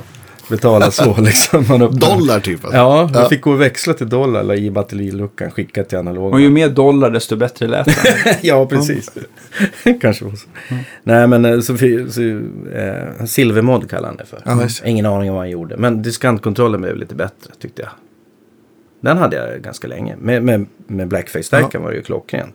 Hade du två sådana till och med? Nej. Nej, det var nog bara den. Men jag hade ju en klona sen. Ja, du hade ju två kloner. Ja, jag köpte dem i New York. Samtidigt, det kommer jag ihåg. Det är stenhårt. Du har haft var- två kloner på Ja, pedalbordet de samtidigt. skulle man haft kvar. De är värda ganska mycket. Ja, Då. du kunde köpa en fin bil. Vet du. Precis. räcker, räcker det så här 25 000 styck nu? Eller? Jag vet, Nylund, Sebastian har väl Ja. sålt någon nyligen. Eller så. Jag tror att det är typ där kring. Ja, det är där kring. 25, det är helt galet. Då var de ju dyra också. Eh, Men då var det så här 2001, tre och ett halvt 20 kanske. Ja, trean och så. Jag tror jag köpte båda. Eh, jag, köp, jag ringde och pratade med han med den här Bill Finnegan. Han Ja. som gör dem där. Riktig snackpåse alltså. Och han skickade dem där till min kompis som jag hälsade på i New York. Det här var 2002. Ja. Så han skickade dem till hans adress. Så, eftersom jag ändå skulle dit. så. Det, det var de silvriga va? Ja, det var Silvia, precis. Låter de olika de där? Silver, Nej, guld nej, det låter precis lika. Så de har, jag hade två, en som jag ville ha lite mer gain med på. Den andra var mera som clean boost. Klockrent med en, en blackface-stärkare. Ja. Jag tycker de där är fort. Jag provade faktiskt en på Disco Eleven häromdagen bara. Ja. Varför jag inte spelar i någon sen typ då. En, en gammal eller en klon? Ja, en gammal. Ja. Riktig. Inne i en vanlig Fender Blues DeVille eller vad det är de har nere i provrummet. Där. De är jättebra alltså. De lägger till väldigt bra mellanregister liksom. Det kommer jag ihåg redan då. Som Precis, och det är ju därför för- det passar så bra i de där. Att det är Ja. lite avsak... Det fyller Ja. i något hål där. Det tycker jag. Och sen så om man vill pressa försteget lite, man skickar på lite volym. Så det de är jättebra de där. Så jag förstår att de är populära. Men att de kostar så mycket som de gör nu, det är lite sjukt nästan. Jag vet inte. Är, är det någon klon som har närmat sig eller är det ändå något magiskt med de gamla tycker du? Ja, jag har inte, jag har inte testat de andra så mycket. De, de gjorde ju klonar på klonarna så att Ja, just säga. det, just Vilka var det som gjorde dem? Så det Minns kom ju en som han själv var inblandad i. Som Den här K- röda, Den va? KTR ja. Ja. Så att, eh, men det går ju att surfa ihjäl sig på det där. Det är folk säger att ja men de som eh, hade den här eh, bilden Ja. på, hade, då hade han en annan sån komponent. Och det har ju blivit liksom en sån. Men det, jag tycker det görs, görs jättemånga bra sådana klon, klonpedaler. Liksom. Men jag tänker också på när man, det är därför man nästan så här har, slutat att lyssna på YouTube-klipp och eh, titta på forum vad folk skriver. För ibland så när de har köpt sin pedal då är de så jävla extas och Ja, den här är precis. exakt lika bra. Och sen så när man får prova det själv i, i, i verkligheten så känns det som att nej men fan, nej. Det har, eller jag har blivit besviken så många gånger så Ja. att jag har slutat lite grann. Jag Men ni känner jag- samma sak. Jag, men- jag vet att Göran Elmqvist och, och Mattias Torell gjorde någon så här liksom supernördigt test med, liksom, Med olika klonar på med klonar. olika några gamla klonar och en ny sån här. Så här. Vad kom de fram till då? Ja, jag, jag, jag tror tyvärr att de tyckte att någon av de gamla var bäst. Ja. Men det, jag tror också att de, att de lät lite olika allihopa. Och det är väl inte så ovanligt heller om det är någonting som är handbyggt. Jag tänker det- också så här att komponenter skiftar Ja, lite men precis. Ja, och det, och, för det tycker jag också man, ja, men, med, med Björn, om man har testat liksom, vissa modeller kanske är känsligare, men som man har testat några olika Honeybee så har de ändå låtit li, och känts lite olika att spela på. Ja, Själv, ja. Men självklart, men däremot så tror jag att också han har ändrat Honeybee med flit lite över Ja, tiden. precis. Oh, ja, de absolut. tidiga Ja. var ju mycket mörkare. Mm. Det känns Ja. som tidigt. Nej, men så det kan jag tänka mig att även Bill Finnegan, om man tänker liksom, om man, även om man byggde med, hade samma komponentlager så, så är väl ändå en viss tolerans. Att det är liksom, att de skiftar lite. Så. Ja, ja. Nej, jag vet inte. Men det kan absolut vara så. Ja. Hur, hur, eh, när lärde du känna Björn i den här vevan? Ja, det var väl... Vad kan det ha varit då? Ja, det var nog runt 2002. Ja. Jag, jag köpte en gammal Mutron... Eh, eh, Autowowa, vad heter de här? Mutron 3 heter de. Just Som jag vet så här, Herbie Hancock folk hade de där till keyboards och sånt där. Man kunde ha, jag vill ha en Autowowa, de, de funkar till gitarr också. Men den har ingen när man slår på den så blir det ganska hög volymhöjning. Så jag ville att få in någon mastervolym, någonting som man kunde ha liksom, ja, kunde styra volymen lite. Och då fick jag ny som Björn av någon som jag inte minns. Var det inte jag då? Det kan ha varit. Ja. För jag bodde ju alldeles vid Björn Precis, för då jobbar ju han uppe Mm. på Torch. Torch. Precis, så han satt där inne. Jag kommer ihåg att jag träffade Björn. Han är en helt fantastisk människa, Björn. Ja. Vilket geni. Mm, Vilken, oh ja. han satt i sån här läkarrock, kommer jag ihåg. Han hade så här en vit... En professor, Ja, precis. Rikt, på riktigt. En galen professor. Ja, han satt där inne i sitt rum och lagade stärkare och grejer. Så det var min första. Precis, och då frågade jag om han kunde göra det här. Och det kunde han ju. Ja. Så det var första som jag fick hjälp av Björn. Första grejen som jag... Ja. Och det var väl runt där. 2002 kanske. Ja. Precis, han bodde ju där uppe, i- jag kommer inte ihåg gatan. Där, vid Hantverkargatan. Det Eh, är tvärgata till Hantverkargatan. ja, just det. Ja, nu står det still. Precis. Alla blir glada när man Ja. pratar med. Men, vad- men jag tror att det är också så här samma... samma eh, det var faktiskt TC tror jag som rekommenderade Björn eh, en gång i tiden. Det här måste ju också varit så här 2000 eller slutet 90-talet första gången. Mm. Kom ihåg att han skulle, eh, som jag säkert nämnt tidigare, eh, fixa till ljudet i en eh, Crate Blue Voodoo-topp jag hade. Ja, just det. Ja. De kallar ju honom på Tord för mannen som kunde tala med komponenter. Ja, just det. ja, det är ganska, ganska Det talande. stämmer ju också. Ja. Ja. Jag kommer ihåg så många gånger jag blivit så här impad av Björn. Dels att man så här ger honom ett kretskort och han kan berätta i, realtid hur förstärkaren låter. Ja, precis. Och det stämmer alltid. Ja. Och sen så, eh, ja, bara över telefon via ett mail eller någonting sådär. Men sen så är någonting så här, bara, ja men kan du modda den här, jag vet inte riktigt vad jag vill ha. Och så bara, har du något, har du något schema på den? Eh, nej, det har jag inte. Nej, det gör ingenting. Och så, så muttrar han lite grann och sen så, Men det är en Ja, otrolig resurs alltså ja. för, för oss som, eller för med, gitarr, gitarrister förstås då som, som letar efter någonting. Bara man vet lite grann, att man, om man specificerar för Björn vad man är ute efter. ja. Mm. Då kan han verkligen hjälpa en fullt ut. Oh ja. Det kan han ju ändå, men, men eh, det, är, det är ganska unikt alltså. alltså det är våran Dumble eller vad man kallar det. ja, precis. Ken Fisher. Ja, Ja. men definitivt. han är liksom otroligt hjälpsam också. Och likadan mot alla kunder. Det tycker jag är en fin egenskap som Björn har. Att han det spelar ingen roll om det är Mike Landau som kommer in med någon Tube Screamer eller någon topp. Eller om det är jag eller vi eller vem som helst. Liksom. Utan man, Ja, han behandlar alla lika. Ja, ja, precis. Och det är en fin grej tycker jag. Ja, han är en resurs. Ja. Verkligen. Men, men, vi, om vi spolar tillbaka lite. Jag, ty, jag tyckte inte vi var riktigt. Vi måste få prata mer prylar, prylar såklart. Vi, Ja. vi har bara skrapat på ytan. Men man tänker så här. Eh, din karriär, du flyttade tillbaka. Så sen, sen ja, men typ då vi lärde känna varandra så, så, flyttade du väl hit. Flyttade du från Uppsala så flyttade du hit till Stockholm va? Ja, precis. När vi gick tillsammans på skol, musikskolan där, Ja. så Precis, så då letade jag mig hit. Jag spelade ju ganska mycket med folk här redan då när jag bodde i Uppsala också. Ja. Men, men jag ville ju hit liksom, kändes mer naturligt. Ja, då drog det igång med, med allt möjligt liksom. Mycket, mycket artistjobb var det då. Mm. Du vet, TV4 månader med, med alla liksom på den tiden sådär. Ehm, ja, vad ska jag säga om det? Frilansdjungeln kan jag väl Ja. säga. Ja. Men jag kommer ihåg, du vickade mycket för Sebbe också. Ja, men ihåg då. precis. Det var väl första kontakten med... De hade ju en klubb som hette Sköna Söndag som Precis. de körde. Var det den som låg på Eken? Eller? Ja, precis. Det började. Jättebra band. Liksom. Jocke Bergström, Jimmy Källqvist och Sebbe. Och Per Åström hette han som spelade trummor då i början. Han var med oss på Sandme också. Det var via Ja, det. Per faktiskt. Mm. Så Sebbe började få lite jobb med, med Ledin där. Började bli rätt mycket sådär. Så då vickade jag för honom. Så det var liksom min första lite fot in i, med dem liksom. Mm.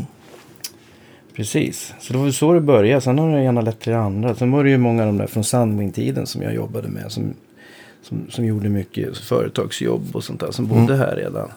Artister och sådär som man började jobba med. Så drog det igång liksom hela 2000-talet. Eller vad kallar man 00-talet? Vad säger man? Jag vet inte. Ja. Nej, Ja, men precis. 00-talet. Precis, så har det varit jättemycket.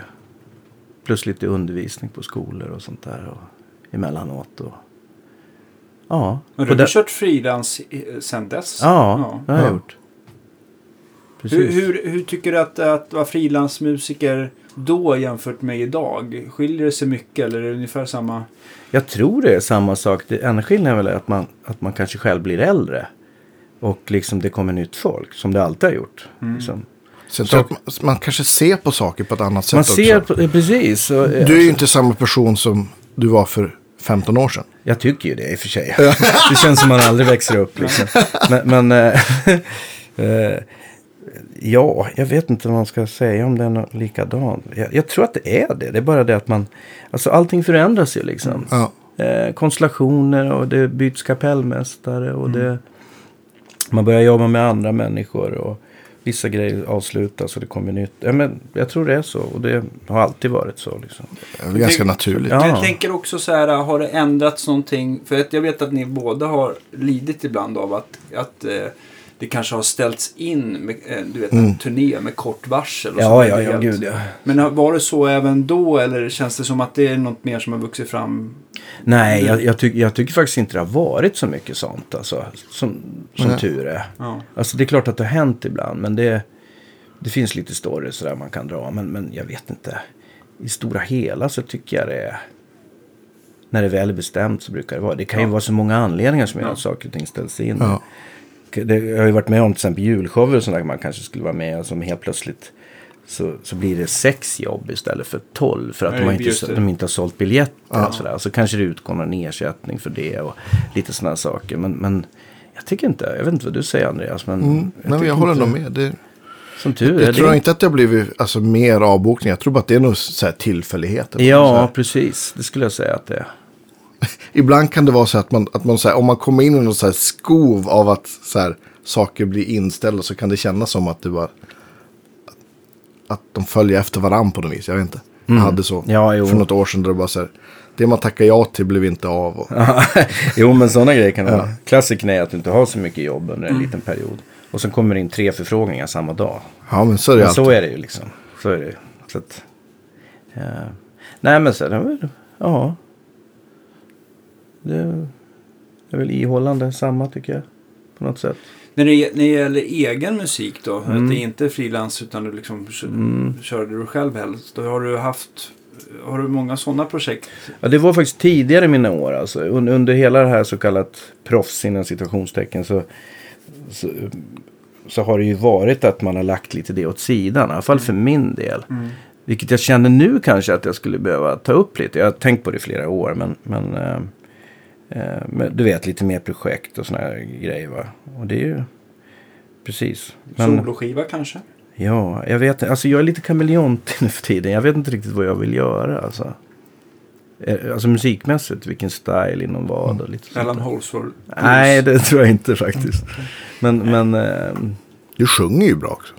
ja. Ja, det tycker jag. Ja. Nej, vi får se vad det blir. Men, Ja. men eh, det börjar locka lite mer. Alltså, Ja. Absolut. Kanske lite mera saker som eh, man, man brinner för liksom, i hjärtat kanske. Mm. Eh, vi får se. Ja, Mm. ja, vi håller tummarna. Mm. Ja.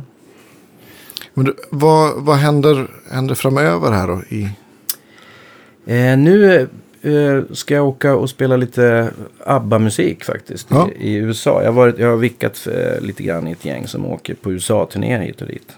Det tycker jag är jättetrevligt. Mm. Det har blivit 14 svängar nu tror jag för mig. Det blir min 14 gång under fyra års tid. Eh, några svängar per år. Så jag är ju vikarie där sådär. Men fantastiskt gäng liksom från Sverige. Vi gör musik, eller gör, vi spelar musik av Björn eh, och Benny liksom. Ja. Det är Abbas låtar. Så det är väldigt fint mottagande och fantastiska turnéer. Så jag åker nu om några dagar bara, en hel månad. Ja. Hela augusti. Gud vad kul. Och Ja, är skitkul. väl- Ja, det gör vi hela. Så d- det brukar inte vara så här långa turnéer. Det här är en hel månad. Det brukar vara typ två veckor bara. Har Ibland du en. hittat någon så här favoritplats i USA efter alla turer? Ja, det finns ett ställe utanför Washington som heter Vienna, tror jag. Wolf Trap heter stället. Det är Just det. helt galet. Det är så här. Allting är byggt i trä och sen så liksom bara under själva första delen av den här byggnaden där publiken är så liksom rymmer det 5000 pers. Och sen är det helt öppet där bak och så är det gräsmatta liksom. Och så är det 5-6 tusen pers till. Det är som Woodstock. Det, är, det känns helt, det är helt galet ställe. Så där ska vi spela nu. 15 tror jag, 15 augusti. Och där var jag 2015 sist, eller om det var Okej. 2014. Mm. Men sen så har vi ju varit på så här små skärmiga teatrar. Vi var på ett ställe i, i Jacksonville som ligger i Florida. En liten mysig teater som liksom var helt bevarad från eh, 50-talet. Derek och Trax och Susan Tedeschi bor för övrigt. Just det, precis. Exakt. De har säkert. Olmenland. Ja, Ja. precis. Verkligen. Och där finns det en teater. Jag minns inte vad teatern heter nu. Eh, men eh, Elvis Presley gjorde eh, sitt, ett av sina första gig där. Jaha, Nit- vad 1957 eller något sånt där. Precis, så det är liksom bilder på honom i entrén där. Och, och allting är exakt bevarat liksom. Nej, lite tufft. jobbig ström när man kommer med single coil mic. Jag tror vi, vi, ja, vi skrattade så sist jag var där. Så att jag fick lägga telekablar och sådär. Du vet, hitta spot så här. Det bara zzz, så blev det tyst. Och där, där, där fick man gaffa telekabeln precis där. På golvet liksom. Ja, ja, eller över något, eh, någon stativ. så det ser ut som att jag hade hängt eh, fisklinor så här och kablar. För att det, det är så gammal ström, det är så mycket elektromagnetism eller vad det nu heter som, som strålar där. Och, så det är väl det, det är ju inte så Men kul du, kanske. du slapp att stå med ryggen mot publiken. ja, fall. men det, det var inte långt ifrån alltså. Eh, Gitarrmecka låg åt rätt håll den här gången. Exakt. Gitarrmäck. roligt, jag aldrig hört. Men vilket ställe alltså. Det. Och, men där går det, eller går det väl inte in mer än kanske 1500 kanske. Ja. Så det är inget jättestort ställe. Men Vart, vart ska ni med då? nu? Ja. Ja, det är väl Las Vegas, Tropicana liksom så här. Och det är Indianapolis och det är ovanför New York och det är nere i Atlanta. Och det är hela, nu, ja. hela landet. Så det blir rätt mycket. Så det är kul. Det är, det är väl det som är härnäst sådär. Ehm, ja, Skitkul. 14 USA-turnéer på fyra år. Det är inte många som nej. kan Folk tror väl lite så när man lägger ut på Facebook. Så de tror väl att man bara är där hela tiden. Mm. Så så är det ju inte. Utan ibland är det ju bara en vecka så är man hemma igen. Ja. Men ni vet hur det är med sociala medier. När man, ja, men visst. det blir lätt absolut. att det misstolkas. Så att jag är inte är där hela tiden. Men, men det har blivit några svängar nu. Det är jättekul. Om du var tvungen att bosätta dig i USA, var skulle du hamna någonstans tror du? Ja, det är en svår fråga. Jag gillar jag tycker det är San Francisco är en skön stad alltså. Ja. Det är så vackert där. Men, men eh, annars, jag vet inte. På östsidan någonstans, kanske, kanske Washington blev jag lite sådär chockad över att det var så trevligt. Det hade jag ingen koll på. Man tänker bara Washington som Vita huset och politik. Och, men de är jättefina delar alltså. Och mycket musik är det där. Väldigt mycket mer än vad jag trodde. Man tänker ju bara Nashville och LA Austin. och New York. Och, men jag vet inte riktigt. Men det lockar ju lite klimatmässigt. Det ligger på ganska bra breddgrad faktiskt. Det är väl typ någonstans vid Italien kanske kan jag tänka mig. Klimatmässigt liksom. Precis. Men lite längre ner, det blir för varmt tycker jag. Alltså ner mot Florida där och... eh, Ja, Louisiana också. Man, Ja, alltså, alltså New Orleans är ju fantastiskt, men den Det- fukten är Ja, ju fukten är ju, du vet. något annat. Ja, det är något annat alltså. Så att jag kommer ihåg vi var och spelade i Dallas på någon turné, sista giget. Då skulle vi ha utomhusspelning bland skyskraporna inne i Dallas. Det var ju skitcoolt sådär. Det såg fantastiskt ut. Och på dagen när vi kom dit, det var så varmt så att jag tänkte det här kommer inte att gå. Alltså, det, var, det var så fruktansvärt fuktigt och varmt. Men så tänkte jag, ja men det kommer säkert att bli bättre sen till kvällningen när vi ska spela liksom. Hängde i logen sen där det var AC-tempererat då. Och så skulle vi gå ut på scenen sen. Då var det precis lika varmt fortfarande fast det var liksom... 30 någonting. Ja, 35. Men där, Helt där är det väl relativt torrt ändå va? Nej, det är fuktigt. Det, är så, Är det, det det var som en bastu. Jaha, jag trodde det var ganska ökenbaserat i Texas. Men det, ja. Texas är ju så sjukt stort. Alltså. Ja, jo, jo. Nej, det var helt galet faktiskt. Det var, det var verkligen som att gå rakt in i en bastu.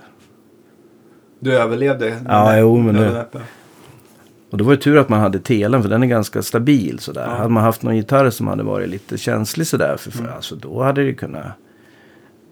Halsen hade ju kunnat gått åt vilket håll som helst. Mm. Liksom. Så det... Ja. Men åker du med telen då eller?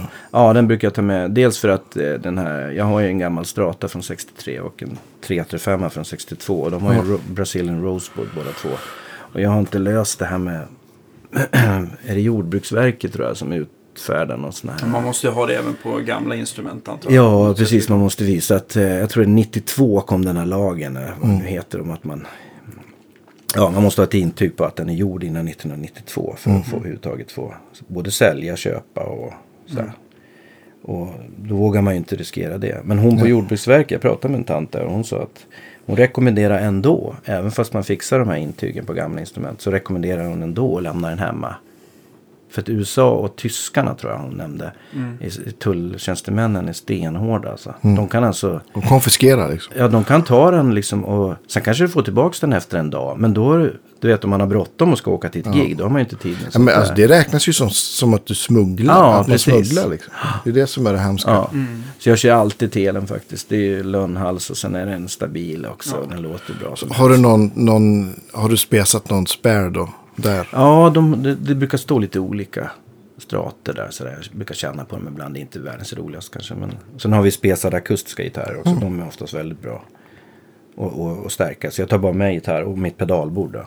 Så har de en sån här omvandlare då som eh, 110-220 volt. Som man inte vill glömma. Säg puff. Eller? Ja, just det. Ha, har du en, alltså du har inte på så att du switchar på strömmen på pedalbordet? Nej, nej, de ja, har, de har en stor klump på varje ställe. Ja, just det. Ja, just- då är det. Jag tänkte om det Ja. för att vissa så här, Decibel 11 har en liten sån switch. Mm. Nej, det gör jag inte. Nej, det- För det kan jag- vara lätt att glömma. Det jag. Ja, precis. har jag tagit trä aldrig gjort. Men jag har varit med och kompisar har kopplat in sina pedalbord efter att ha varit i USA på 220. Och då Ja. säger det puff.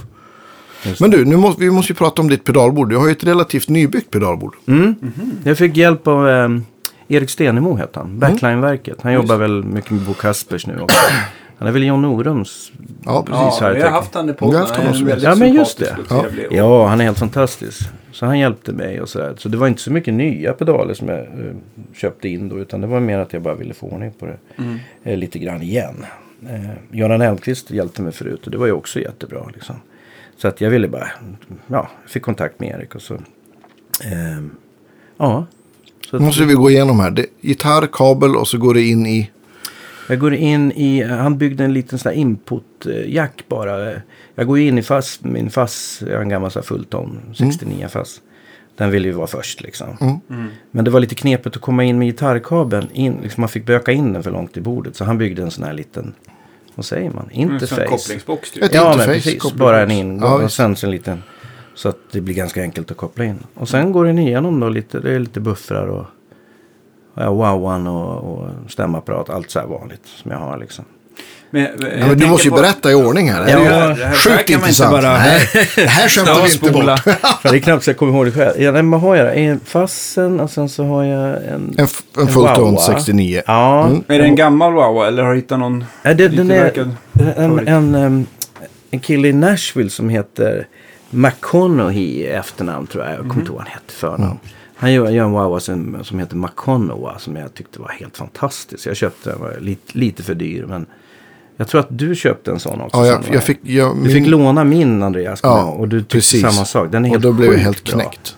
Den låter som en gammal Vox liksom. Ja. En gammal Crybaby. Men den har väldigt bra svep sådär Mm. eh, tycker jag. Det där är ju säkert en smaksak också vad man gillar där. Men... Så det är den och sen så har jag en buffer, en Björn Juhl-buffer som jag tycker är väldigt transparent och fint. Som tar upp signalen igen lite grann. Är det den One Control? Den Just det. Ja. Ja. den är, Ja. Jag har faktiskt eh, utvärderat lite olika buffrar och den är ju typ både billigast och bäst. Mm. Faktiskt. Jag tycker den är jättebra alltså. Mm. Den, förstör, liksom, den lägger inte till någonting. För jag har haft buffrar förut som har Lägger till lite både brus och fnissel och bas. och Ja, sådär, oh ja. Men Liksom, precis, men den är väldigt transparent Mm. tycker jag. Och sen då? Sen har jag... Fan, jag får nästan ta fram en bild. Jag vet inte ens vilken ordning jag har allting. Eh, precis, nu har jag, jag hade en sån här uh, Drybell Vibe som jag precis har sålt. En sån här som är gjord på ett gammalt... Är det, Ja, den, är det den eh, Mark 1 eller Mark 2? Den, Den gamla? första, den ja, gamla, ja. Jag hade den och den, den är skitbra. Men jag tyckte inte riktigt jag kom igenom ljudbilden med den. När man satt på den så den försvann på något sätt. Men det kan ju vara i mitt bord som det Har du blev. den som vibrato eller chorus? Jag eller- provat eller- både. Men jag hade den mest som, som liksom Univibe och sådär. Ja, just det, just Ibland. det. Nu kör ju inte jag så mycket Univibe. Men, men jag tyckte det var kul att ha en sån. Men den har jag sålt nu. Och köpte en...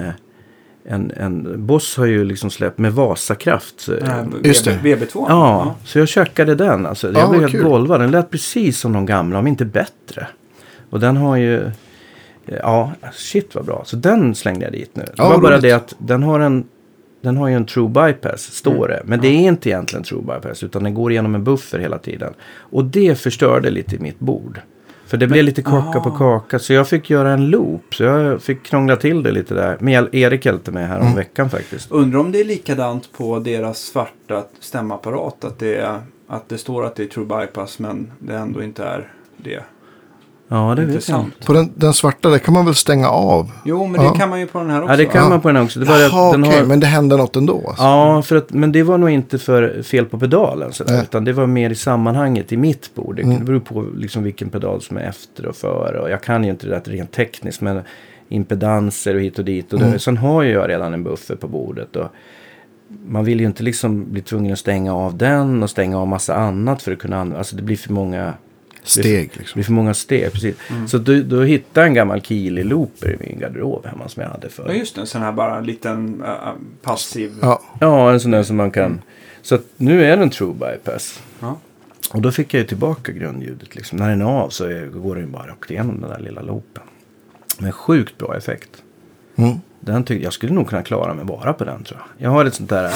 Bara tele den in i en... Ja, jag tänkte som modulation. Ja, alltså. ja Jo, men de går ju för att låta liksom lite korusaktiga också. exakt. Ja, precis. Leslie-aktigt. Ja. Det var grymt. Vad hände efter VB2 då?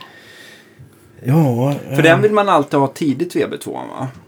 Ja, den har jag innan liksom driver och sånt där. Ja. Precis. Jag har alla mina modulationer, alltså chorus och face och sånt där innan distarna. Det är en smaksak det där. Det där har jag skrivit mycket om tror jag. Jag vet, jag föredrar också oftast innan drivaren. Men, ju, men chorus kan ju vara ganska vanligt att man lägger efter driver. Ja, precis. Jo, precis. Men, men sen efter det, ja, det är väl facen tror jag. Och choruset. Jag har sånt där free the tone. Eh, Vad har du för facer då? Ja, det är Björn Juhls, en prototyp av Tiny Orange Faces som han Just gjorde för. Mad Professor sen. Ja. Så jag har prototypen. Ja, vad coolt. Mm. Skiljer den sig någonting från... Ja, jag tycker det. Ja. Den, den distar lite mer. Den har lite mer boost i sig. och Så den har lite annan... Den låter lite mer analogt om man nu kan säga vad det nu är. Men, Mm. Men jag, jag, jag använder inte den så mycket. Men ibland sådär om man vill ha lite... Swoosh. Ja, precis. Och koruset eh, Free the Tone, det tycker jag också är bra. Men det kanske är lite för mycket inställningar för mig tror jag. Mhm. Jag använder, det, det finns ju fyra olika presets man kan... Eh, men alltså, jag använder inte liksom olika chorus-sound. Man har ett så här, man behöver ibland. Och så. Men nu känner jag när VB2 var så trevlig så att jag skulle kunna ta bort tror jag, i alla fall choruset. Jag tror att den skulle kunna ersätta det lätt. Just det. Så det är väl de. Så jag har ganska enkelt bord. Jag har inga loopar eller alltså nu menar jag så här att jag kan programmera ja. och jag har valt det så lite grann för att ofta så man kanske gör tre klick på sin höjd. Man blir ju rätt snabb på det där efter ett tag. Tick, tick, tick, Så är det klart. Eh, Jag tänkte också eh, innan vi går vidare med ditt pedalbord. Så, för du, vad är det som liksom blir den här stora skillnaden med att låta till exempel Erik bygga ihop det än att man liksom drar kablarna själv? Förutom kanske finishmässigt då. Men har du märkt att det, att det just att det blir mindre strul och glapp? Och Ja, det tycker bättre? jag. Precis. Och så känns det lite tryggt också om man inte är så bra på att löda. Jag är jättedålig på att löda och sådär. Eh, han gjorde ju alla nya kablar och, och sen designen. Jag var ju med förstås och hur, hur jag ville att det skulle se ut och vilken ordning de skulle vara i. Och sådär. Men, nej, men det är väl en liten trygghetskänsla skulle jag känna med tror jag. Det är klart man skulle kunna göra det själv. Men, Det är som en försäkring på något sätt. ja, men lite faktiskt. Ja, men faktiskt. Och så köpte jag bordet via honom och sen en sån här Pelican case som är Air heter den, en sån här lättvikts. Mm, ja, men jättebra. Jättebra så. Jättedyrt.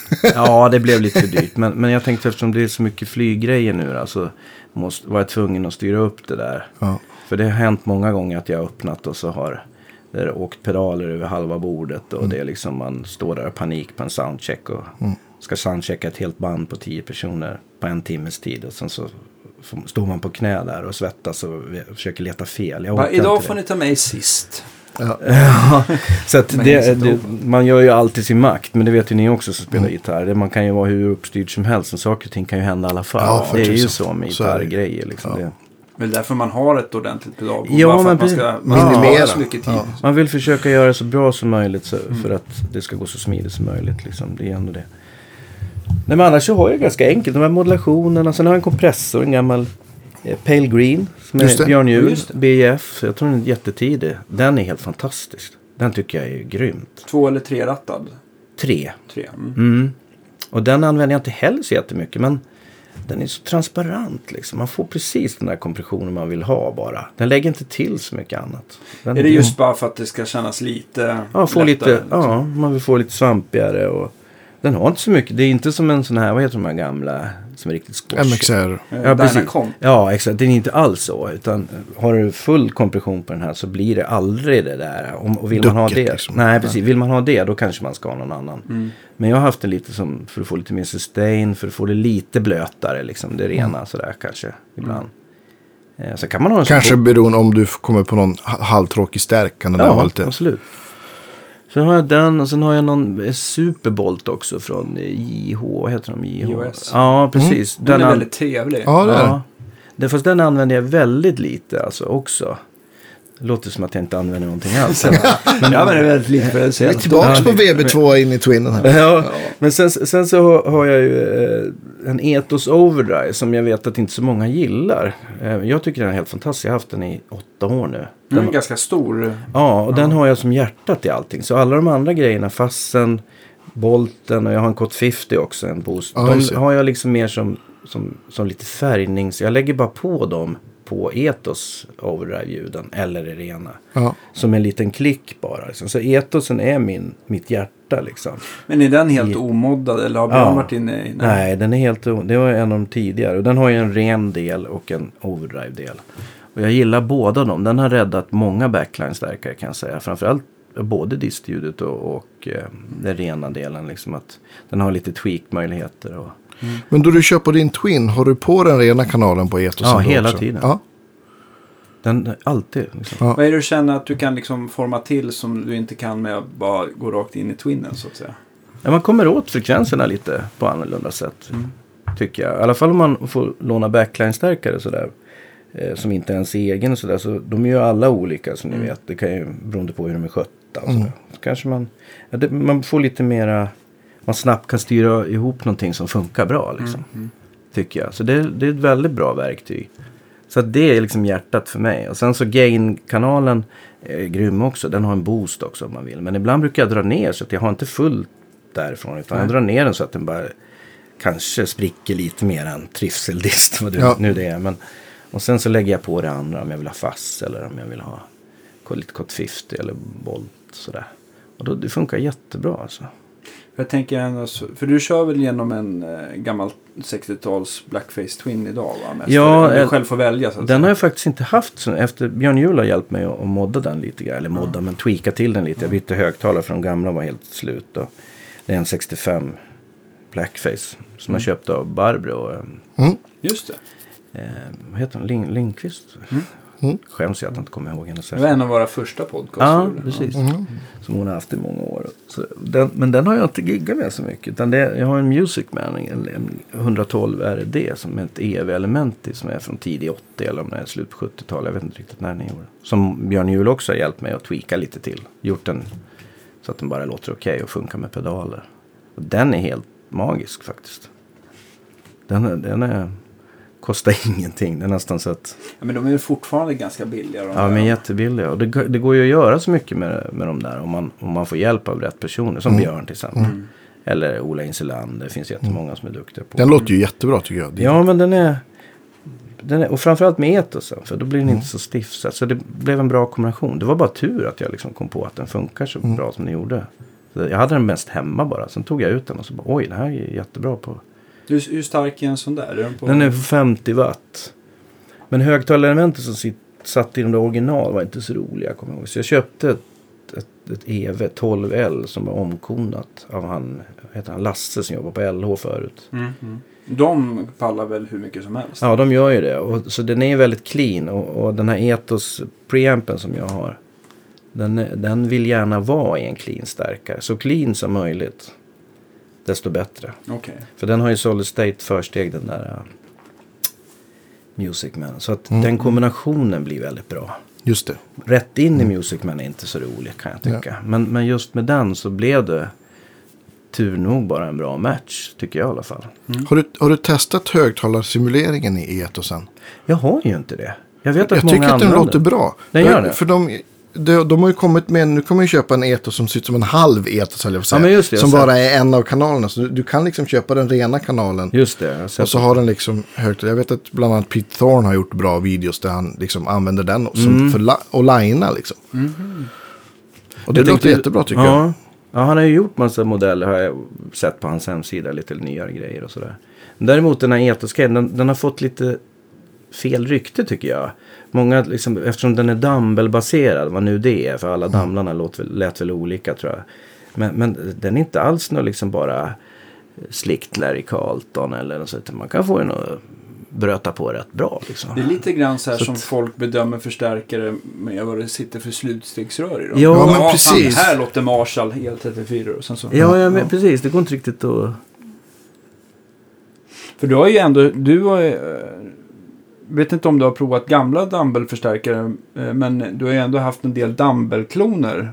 Ja, det har varit lite resor som, som jag inte vill tillbaks till. Tror jag. jag har aldrig provat en riktig dumbbell dock. Nej.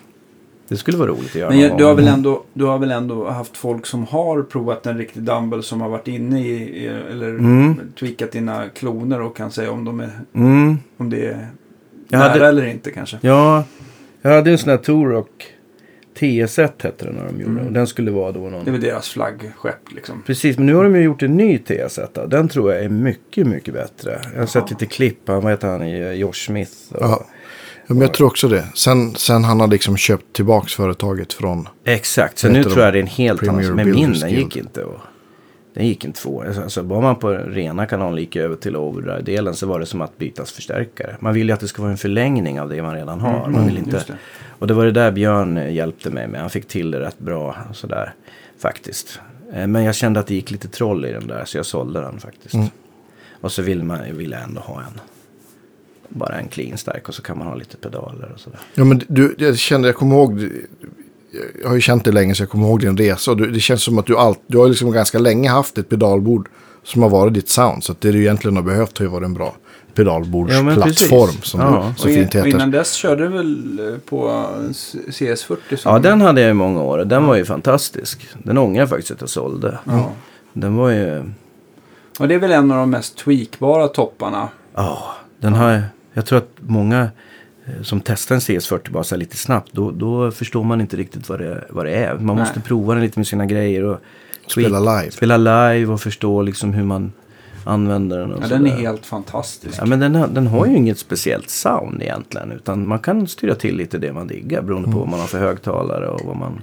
Ja, visst. Däremot kan jag tycka med CS40, om man nu ska prata om eh, någonting som man kanske saknar mer än det, är att den är ganska för ärlig och eh, att den är för dynamisk ibland så att många upplever den som lite svårspelad. Mm. Man Jo, måste stå på precis. tå lite grann. Då. Det är inte någon... Jag vet inte, Så inte känner mycket jag. kompression. Nej. Exakt. Verkligen, precis så Kanske är det. kan räcka med en sån eh, en, en bra kompressor. Men jag tycker ändå att en förstärkarkompression och en pedalkompression det är, blir sällan samma sak. Alltså. Den CS40 är ju som, som många säkert, den har ju verkligen en sweet spot med så här mastern på så här 1,5-2 tycker jag. Ja. Och så får man skruva upp liksom för, för volymen tills det klipper lite. Men då är det ju vansinnigt starkt. För den har ju Mm. rätt många kontroller också. Det är ju egentligen Mm. bara en kanal kan man väl säga. Mm. Eh, Men den har ju liksom, nu kommer jag inte ihåg, först så ska du kunna välja om det är normal eller abnormal kanal. Jag har två inputs. Ja, precis. Och sen vet jag inte om det är vanliga gainen eller volymen eh, eller om det är den här karaktärswitchen som Ja, den kommer sen va? Ja, Ja.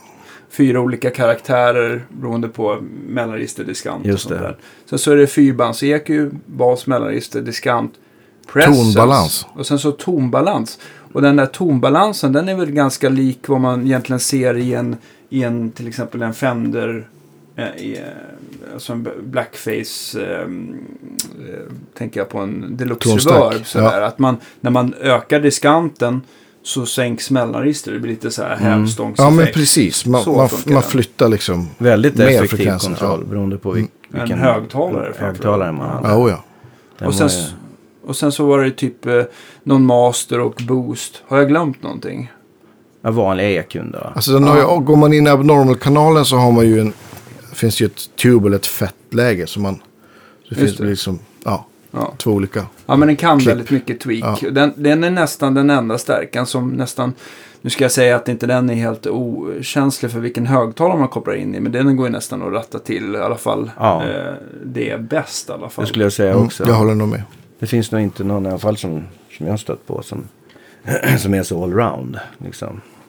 Tweakmässigt. Nej, en, en grym förstärkare. Ja, Jag, sång, jag ångrar också ibland att jag sålde min. Men den har, den har ju Den har tryckt jag. hem. Ja. Ja, Just det. ja. Jo, men du hade ju, jag kommer ihåg nu bara sn- snöar vi in på dina gamla stärkare. Men du hade ju också en annan, innan Turrocken hade du en annan Dumble-variant Men var också. det inte efter du hade Glassworks? Jo, Ja, det var efter, okej. Precis, vi var på turné i Kalifornien och då åkte jag hem till han Gary Johnson som bygger de här Glassworks-topparna. Det är någon Dumble-kopior. Och prova. Då blev jag helt knäckt.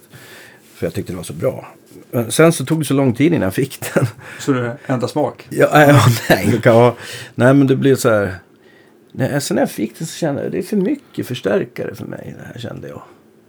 Jag hade den på något gig. Men liksom, Att den var för stark? Eller? ja, det var, det var för, mycket helt enkelt. Bara. Jag kände att sjukt bra stärkare. Men ja.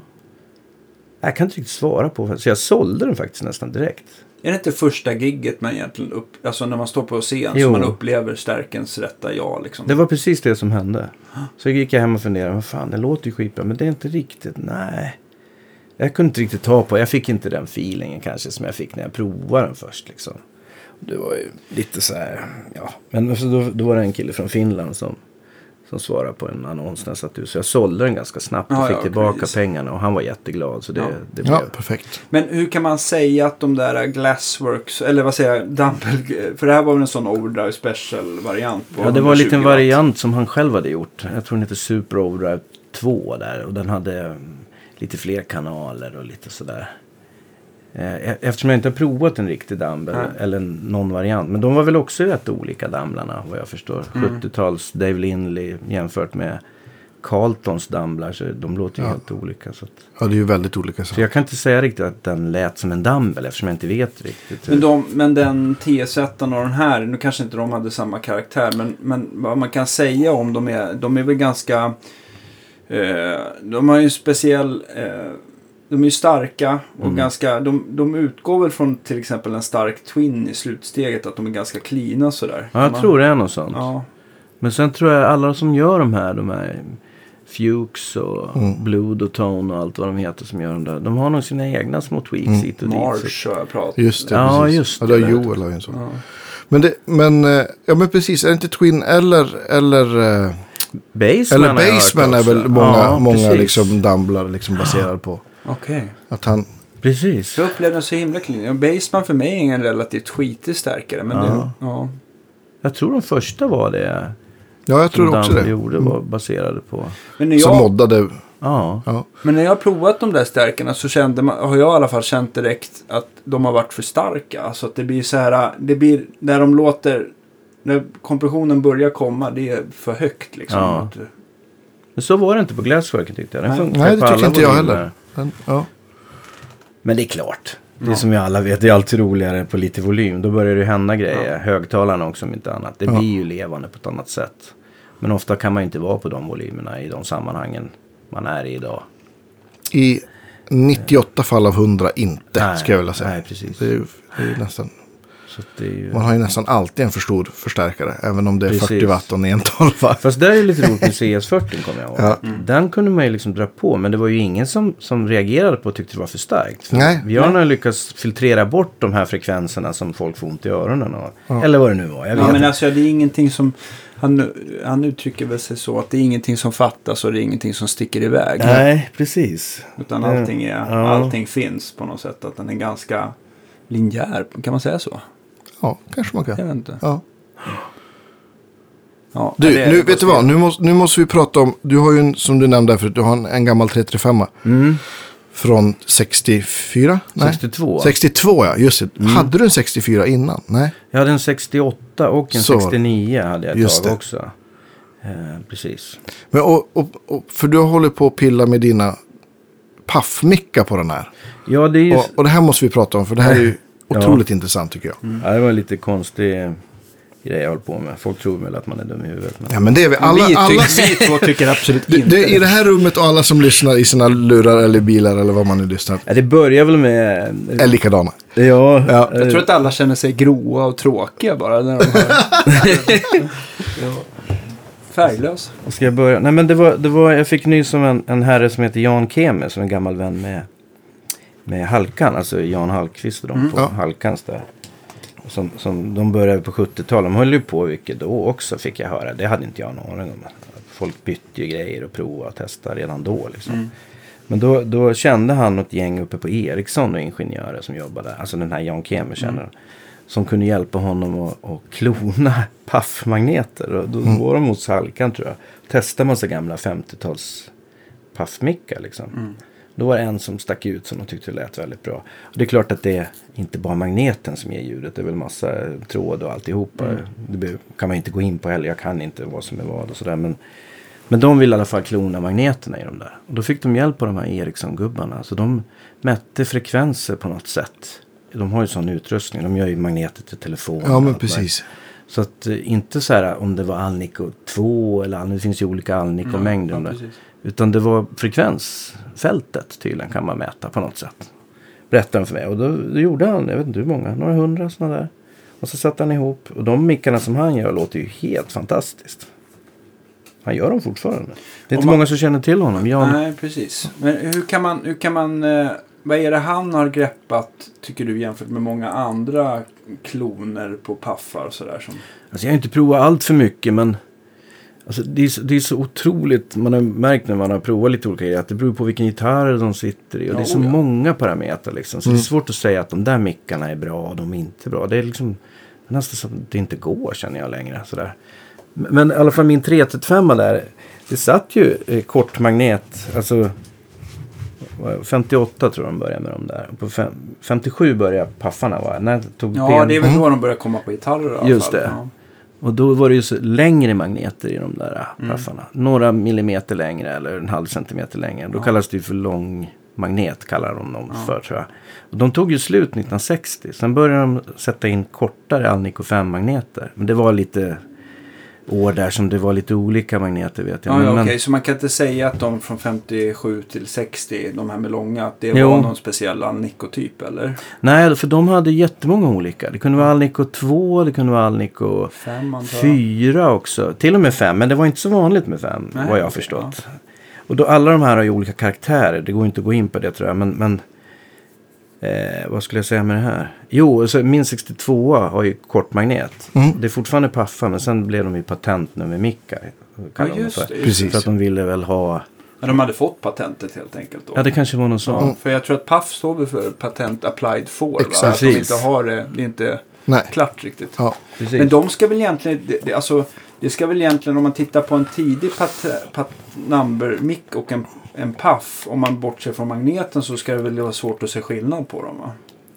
Förutom den här dekalen under då.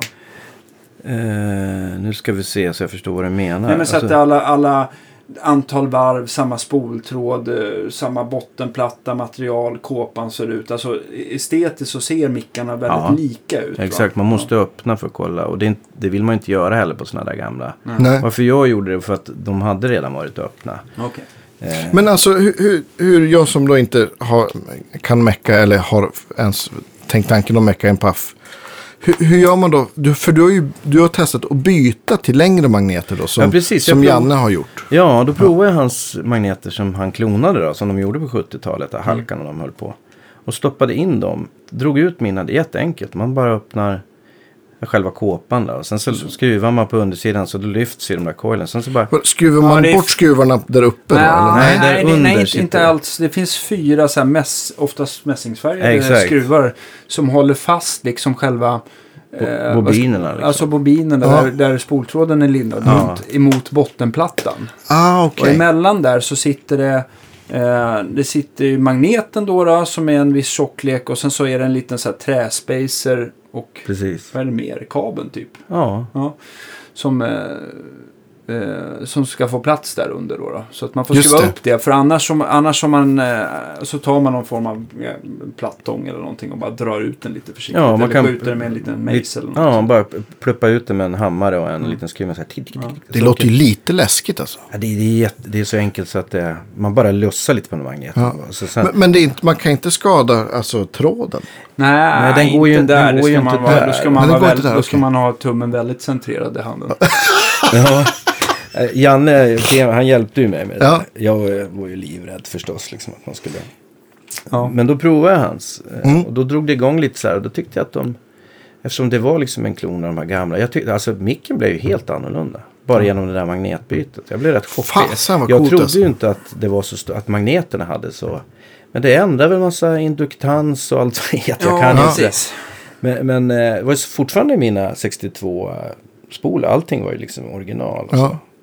Hur, vad, vad upplevde du, vad blev skillnaden då? Ja, jag tyckte jag fick, eh, för jag tyckte lite grann min gitarr är ganska honkig. Den är väldigt sådär eh, på gott och ont. Den är väldigt, Honke, är det innebär att det är mycket eller lite mellanregister? ganska mycket mellanregister. sådär- Särskilt i din stallmick ty, tycks jag minnas. Exakt. Ja. Alltså det är så att honke att den blir nästan lite, att Ja. den blir lite näsig sådär. Precis, Ja. och då tänkte jag om man byter ut, man får en annan frekvensgrej från, eh, från magneterna så kanske det hjälper till. Jag visste ju inte liksom. Så Mm.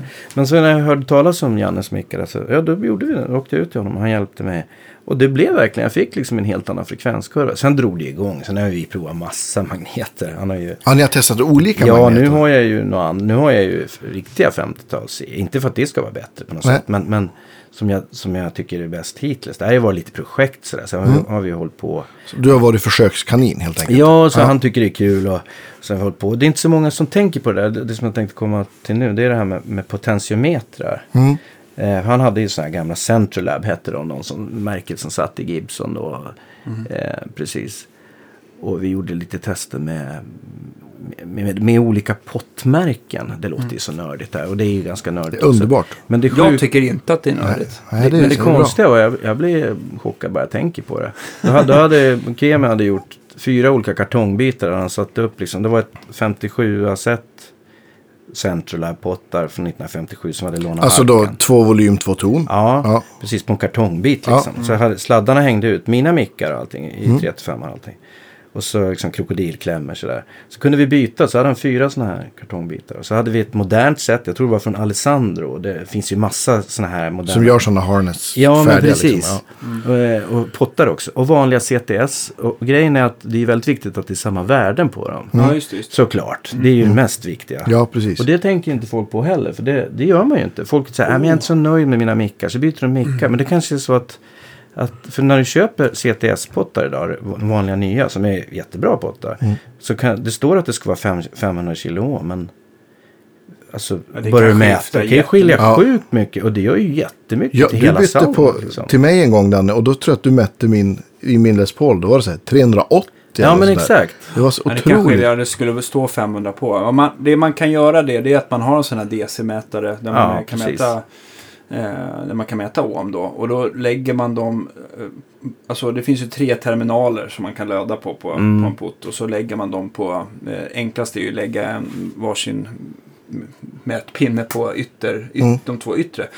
Eh, ettan och trean. Och då kan man ju lätt se vad, hur, hur, hur stort svepet kan bli. Liksom. Precis, och nu undrar väl folk, ja, vad, är det, vad är det för ohm man ska ha där? Kanske säga. Mm. Och det, det är också beroende på gitarren, vad man tycker själv låter bäst också. Vad kan man säga? Men hade han match, förlåt, hade han matchat då på de olika sätten som han har satt upp? Ja, så precis. att de var typ 500 allihopa? Ja, eller? han hade ja. till och med eh, köpt något, vad det nu var för märke kommer jag inte ihåg, men det var något företag som gör så här som ska vara lite som gamla Centrolab. Så, med samma värde, jag tror de mätte fe- mer än 500. 550 hade vi någonstans på volymkontrollen och så hade vi kanske 530 någonstans på tonkontrollen. Men det, det var samma värde på allihopa. Och när, vi satt, när jag satt med de där krokodilklämmorna och bytte mellan de här olika märkena på bara potentiometer, det var samma mickar och allting.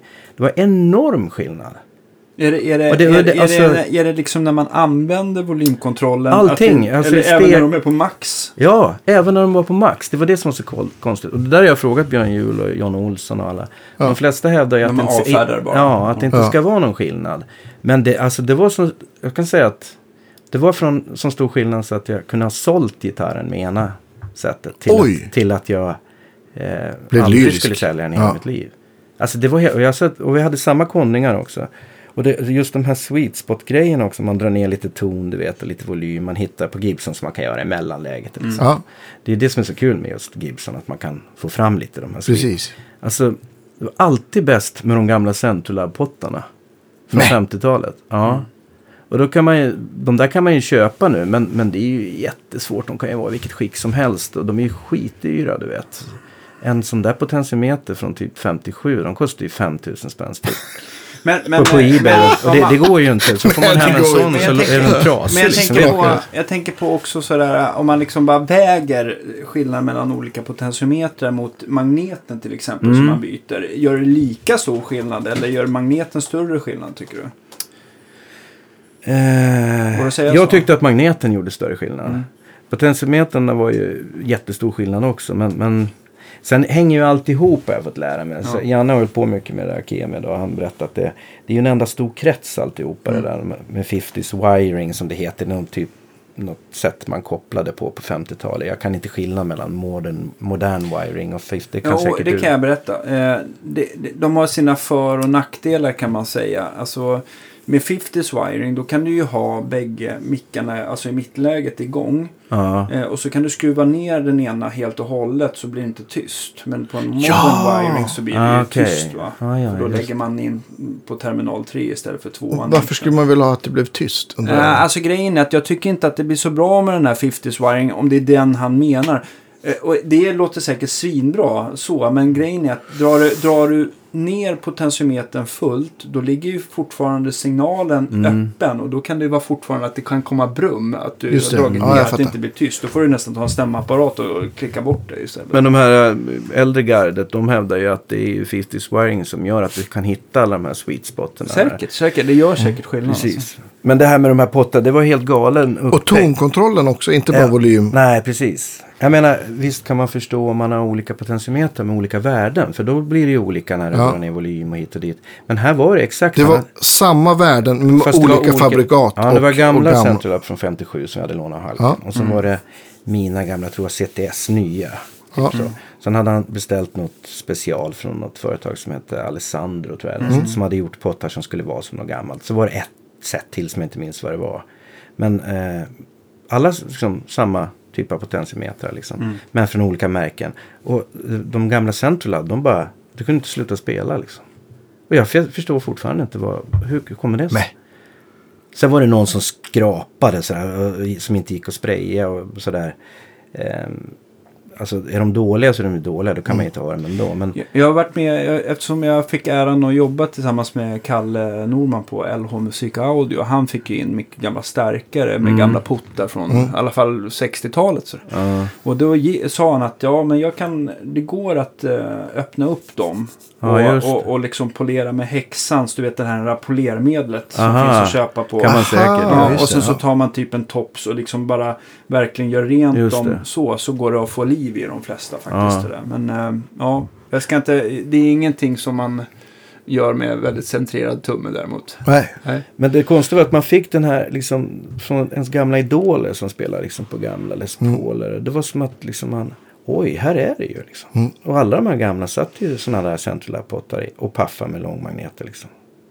Det var, det var Eh, nästan så, så att man bara, oj det här känner jag igen. Mm. Men satan, hur kan det vara så här? Och sen, men sen har jag frågat Björn och lite folk att kan att göra med de här kolbanorna också som satt i. Alltså nu sitter man ju här och pratar över huvudet på, på mig själv här. Men jag kan ju inte tekniskt så. Men de Ja. hävdar att det kan ha att göra med det. Att de var mycket tjockare de här kolbanorna förr i tiden. I potentiometrarna. Och var lite mer bly i det. Och så här. Det är ju inte miljövänligt idag. De, man, man får inte göra potentiometer på samma sätt som man Nej. kanske gör. Så jag tror det är, är en materialgrej likadant som är gamla. Det är kanske därför klonar, eller folk som försöker göra klonar på mickar kanske inte riktigt kommer ända fram på grund av att det är materialet som spricker. Alltså att man inte, det inte går att få tag på längre. Jag, jag vet Nej, inte. ja, men, ja, men ingen om, om, om du märker sån enorm skillnad med pottar kan det vara så att, att mickarna är egentligen 100% korrekta och till och med du vet, lindad på en gammal 50-tals, Det var- Gibsons gamla var det- 50-talsmaskin. Men, men om du då har pottarna som, eh, som gjorde att Ja. du skulle vilja sålt din Ja. fina gitarr så, Så det säger rätt mycket. Jag tänker på folk som letar nya mickar till sina gitarrer. Prova att byta pottarna först. Mm. Det är lite bökigt i en 335 modell. Men vad ska har man, en byta till om man inte hittar gamla Central Labs-puttar då? Nej, men jag tror att man kan börja med i alla fall värdena. Ja. Börja med Mm. det först och främst. För det kan ju vara att, att de har en TL och så kanske volymputten med att, ja där är väl 250 ska det väl vara va? Ja, men det, precis. den kanske låter skitbra Standard. med 280 kilo ohm liksom. Mm. Eller så låter den bäst med, alltså det är en enorm skillnad bara på de där. Eftersom Ja, de är så olika, de har så, vad heter det, tolerans kallar man det för va? Ja, precis. Om man Det kan ju vara plus minus 10 procent eller 20 procent. Ja, det är ännu mer tycker jag. Och det gör ju jättestor skillnad. Det kan ju vara liksom från att man inte vill ha micken längre till att Mm.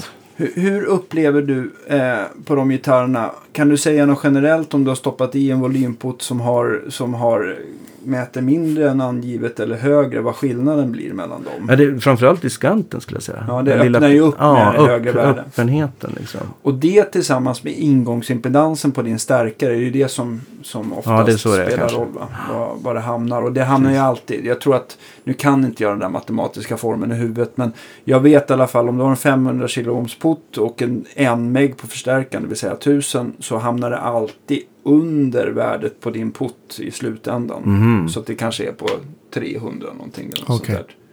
Eh, jag ska be, typ, vi kan ju ta till exempel Björn eller John Mm. Olsson som kan ju säkert svara på det Mm. där med i sömnen. Men, men eh, ja. Men det, det var lite rolig grej där. Och jag menar utan Janne så hade jag ju aldrig provat de här grejerna. Han, det, det är ju tack vare honom som Mm. för det första orkade hjälpa mig. Liksom.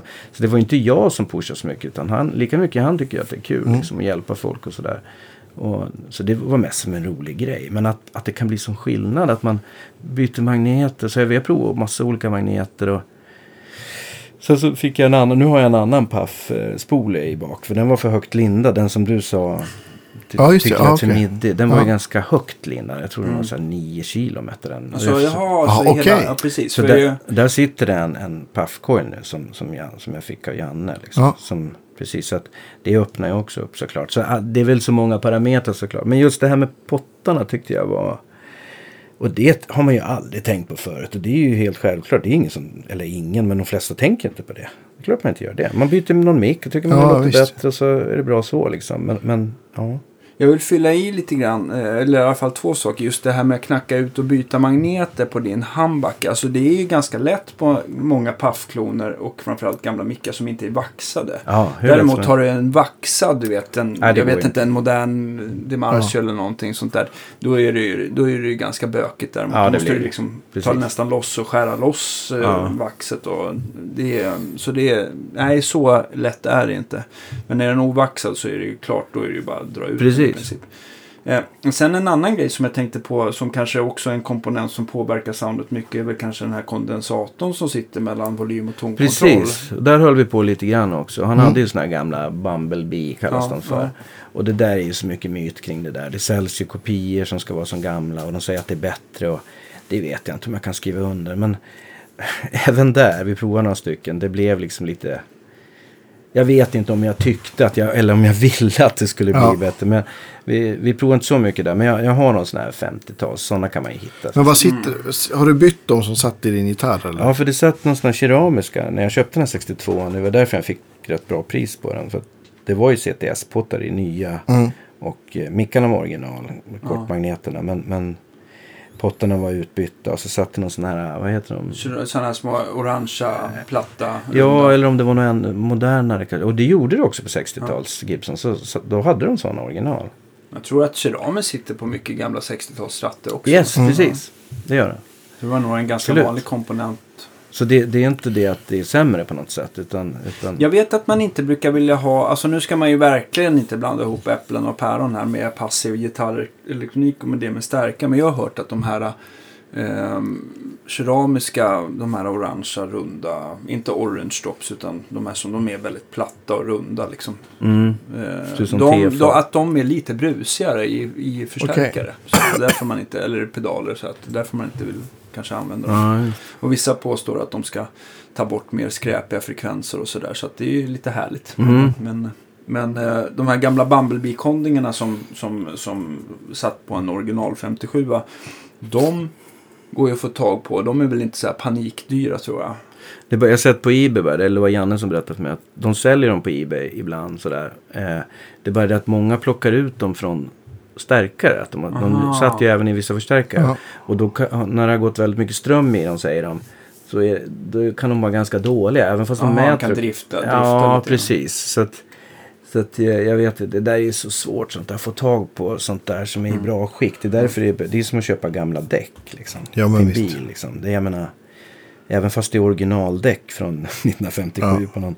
Så är det inte bättre för att det är från Nej. 57. De kan ju vara Men helt testade ni alltså olika kondringar också fast med samma Ja. värde? På Ja, samma sätt som det gjorde vi. portarna, eller? Precis. Och vi bytte till och med plats ibland. Att ena gången lät en Bumblebee som hade lite högre värde lät bättre på volymkontrollerna än på tonkontrollerna. Ja. Alltså, Och, och vad gör de här? ja, de, jag tror att de mest spelar in när man börjar laja med volym och ton. När man drar Mm. ner så, så händer olika saker. Hur mycket det stryper och så inte. Och så vidare. Alltså nu Och är det vilken igen så här tekniska grejer som man inte Ja, kan. är det, alltså vilken fre, vilka frekvenser, om man har Ja. på tonen så vilken frekvens som... Vilka som Eller vad är det för Ja, slope precis. Man kan, på- säga, Ja. man kan säga att ju, ju, om, man, om man löder en, en eh, gitarr på eller en elektronik på klassiskt vis så, så har man ju typ, eh, eh, nu ska vi se så jag tänker rätt här, men på terminal 3, det vill säga där gitarren går in, där brukar man sätta in eh, tonkondingen och så går den till eh, terminal 2 oftast på, man kan, ja, eh, eh, vad heter det, på, på tonkontrollen. Eh, och jag har i alla fall experimenterat lite grann, inte med några, några gamla komponenter, men just att jag hade liksom lite orange drops och någon ny sån här Bumblebee eller någonting. Och försökte liksom snabbt bara lyfta emellan tillsammans med en vän. Och så här bara, upplever du någon skillnad? Och då menar jag, då tror inte jag att jag höll på att vrida så mycket på te- potentiometern. Men då, då var det väl liksom, var det samma värde så var det, tyckte jag, omöjligt i det sammanhanget att höra skillnad. Däremot var det olika värden så gav det ganska stor skillnad. Mm. Även när potentiometern är på fullt. Just det, precis. Så att, så att har du, det som är, sitter i gamla Gibson det är ju oftast eh, 22 nanofarad ska det vara. Mm. Mm. Medans eh, en gammal tele eller en 50-talsstratta där kan det ju sitta 100 nanofarad. Det Mm. vill säga fem gånger så högt värde. då. Det har jag i min eh, 63 strata. Ja men det kanske kan 100. bli trevligt för de mickarna är ju Ja. också så himla mycket, alltså gitarr, all, hela mickkonstruktionen är så mycket brightare. Man har den ju aldrig helt, tonen all, aldrig fullt av. Men för då blir det som, det låter Nej, som nej, basfrekvenser. Men det är rätt kul tycker jag. Man får, man får lite spann. Man kan liksom få Mm. väldigt många olika sound bara genom att hålla på med tonkontrollen. Liksom, och, Oh, ja. och Men man, man kan säga i alla fall så här. Ju, ju högre värde du har på din konding, det vill säga att du går från 22 till 100 nanofarad, desto mera, även när potentiometern är på max, alltså att du inte har dragit av den någonting, så, så, så kan man säga att den börjar skära lite lägre ner i frekvens. Du får lite rundare karaktär. Mm. Och, eh, och framförallt, precis som du säger, att när man börjar backa en sån här 100 nanofarads farads eh, tonkontroll så, så blir svepet att det hamnar väldigt lågt i frekvens. Att det blir väldigt så här eh, Precis. botten. Exakt. Ja, det skär väldigt lå- eller mycket lägre i. Just det. Man Just det. flyttar liksom vad den här. eh, Och jag tror att det är typ andra första gradens. Eh, det, att det är 6 dB per oktav. Att Mm. det blir som man sk- skalar av. Men, men eh, vart den hamnar i frekvens är beroende på värdet då Mm. på kondensatorn. Mm. Ja, Ja, det är en hel värld det där alltså. Du skjuter över huvudet på mig väldigt mycket här. Men jag, Ja, men Jag förstår- funktionsmässigt är- förstår jag, men- Grejen är att jag, jag tycker att jag begriper det, hur det funkar eftersom man hjälper folk mycket. Mm. Men, men, men det är också inte så jävla lätt att stå och försöka vara pedagogisk för någon som nej, men inte det, förstår. Nej, men det förstår jag. Ja, det, du är jättepedagogisk. Du var jättebra förklarat. Ja, men det var ändå så att det var för att jag, jag, kan, jag förstår inte, jag förstår inte liksom matten kring det. Nej. Och värdena säger mig ingenting. Men man kan också säga någonstans, nu tror jag att det också är lite annorlunda med potentiometer så jag ska vara lite försiktig där. Men man kan i alla fall säga att om du, ju lägre värde du har på potentiometern, man kan ju säga att det är lite så här avståndet ner till jord, det är inte hela sanningen så där. Men eftersom det blir som två svepbara filter beroende på vad den här vo- volympotentiometern står. Men eh, totala värdet är kanske 500 kiloohm och sätter du i en potentiometer då som mäter lite högre så, så får du ju kvar lite mer. Den bromsar lite Mm. mindre helt enkelt. Just det. Ja, Ja, jättebra förklarat. kan man säga. Ja. Eh, men det är jävligt roligt det här med, eh, med eh, vad heter det, um, elektronik. Ja, jag, i- jag tycker det ja. också. Men jag tror att just magneten är väl det som Björn också har sagt att det påverkar soundet mest. Mm. I, Ja, i jag skulle, sen är väl tråden också förmodligen. Hur många varv och hur mycket den mäter i kiloohm. Men det är, väl, det är så många enheter va? Ja. Induktans, det är impedans, inte impedans men kiloohm och det är rena... Ja, induktans, det, är liksom, det står ju liksom lite för mickens massa. Alltså, Precis. Typ så här järnmassa Okej. eller någonting sånt ja, där. så plastbitarna brukar inte påverka induktansen om det är så. Men, men det, som, det som borde hänt med en längre magnet, det, kan, det har ju säkert med vad är det för magnetblandning, om det är Alnico 2 och 4 som påverkar det också. Men en induktans brukar säga att jag tror att en större magnet egentligen borde få upp induktansen. Och får man upp induktansen då sjunker den här, den här kanske honkigheten, att den, den här frekvensen i ner. mellanregistret sjunker ner lite i Precis. frekvens. Så man upplever att den låter lite tjockare istället. Ja, det blir öppnare. Men nu har jag ju 50-talsmagneter som, Mm. som han hittade någon påse. Som vi har testat lite olika. Så hittade jag ett par. Jag vet inte om det Han trodde att det var Anico 4. Ja. Eh, men men det, det vet man ju inte. För att, eh, jag vet inte om det går att mäta heller. Ingen aning. Jag tror, att man kan, jag tror att man kan mäta hur, hur stark magnetismen är. Och den kan man nästan känna om du, om du har en magnetisk eh, Men om- skruvmejsel eller någonting så kan du nästan känna hur mycket drag magneten Ja, har. Men sen att fastställa om det är en åldrad Alnico 4 eller en pigg Alnico inte. 2. Ja, okej. Det är ju rätt svårt. Det får man ju bara gissa Nu, sig precis, nu då du säger det här med åldrar, för då tänker jag. De, de, då, då Janne mätte på de här magneterna, när var det då? Vad sa du? Sent 70, tidigt 80? Ja, det var ju de där, han Ja. fick ju hjälp av någon ingenjör. Ja, precis. De mätte frekvenser. Alltså frekvenser. Inte, inte output eller... Nej, precis. Eller, men, men, men då funderar jag på, någonting. kan, då du säger, kan en magnet åldras så att det där ändras? Undrar jag. Jag tror att en, en, en magnet åldras och jag vet att de gör det. Men det kan vara också lite grann på vilken yttre påverkan. Det kan ju så här, Ja. jag vet, nu vet inte jag om det, jag har aldrig råkat ut för det. Men jag vet ju folk som har liksom, du vet, rest på tunnelbanan och sen så bara, vad fan har hänt med mina mikrofoner? Alltså, Aha, okej. alltså att det har varit sådana grejer. Och jag vet inte hur mycket det stämmer för jag har åkt tunnelbana med mina gitarrer många gånger. Men, men alltså en, en, en magnet kan du ju åldra med eh, dels en sån här avmagnetiserare Ja. eller en annan magnet som du bara du förstör liksom. Eh, Just det. du kan förstöra liksom magnetfältet i magneten då, då. Om du har en sån här, eh, du vet en sån här stark, jättestark kylskåpsmagnet. Drar du den över en mikrofon då kan det ju bli väldigt galet. Jag vet också Aha. folk som har eh, suttit för nära sin lödkolv. Ja, det kan Och så har också. de lagt upp gitarren och så har det stått liksom för nära så har det dragit ur. Ja. Okej. Det vet jag. Så det berättar Janne själv att han Ja. var med om. Och det, det är en klassiker när det är liksom något, Mm. jag vet inte vad det är. Det är Men jag- transformatorn i Ja, lödkolven det. som gör det på något sätt. Har ni något mer projekt på gång? Du och? Nej, det var, jag har inte Nej. gjort så mycket där. Men det var nu i, i våras var det sist när jag provade de där andra magneterna. Som han hittade. För jag tycker att eh, de här 50, det sitter ju 59 Central Labs i den där nu. Mm. Eh, och det är inte för att det är bättre på något sätt för att det är 1959. Utan det är väl mer att det är i alla fall gamla. Och de var i väldigt bra skick. Mm. Som jag fick loss. Som han hittade. Som han har haft liksom sparat undan. Annars är det nog lite jobbigt att köpa sådana där på Ebay och sådär. För man vet ju aldrig om- i vilket skick de är de Nej, kommer. precis.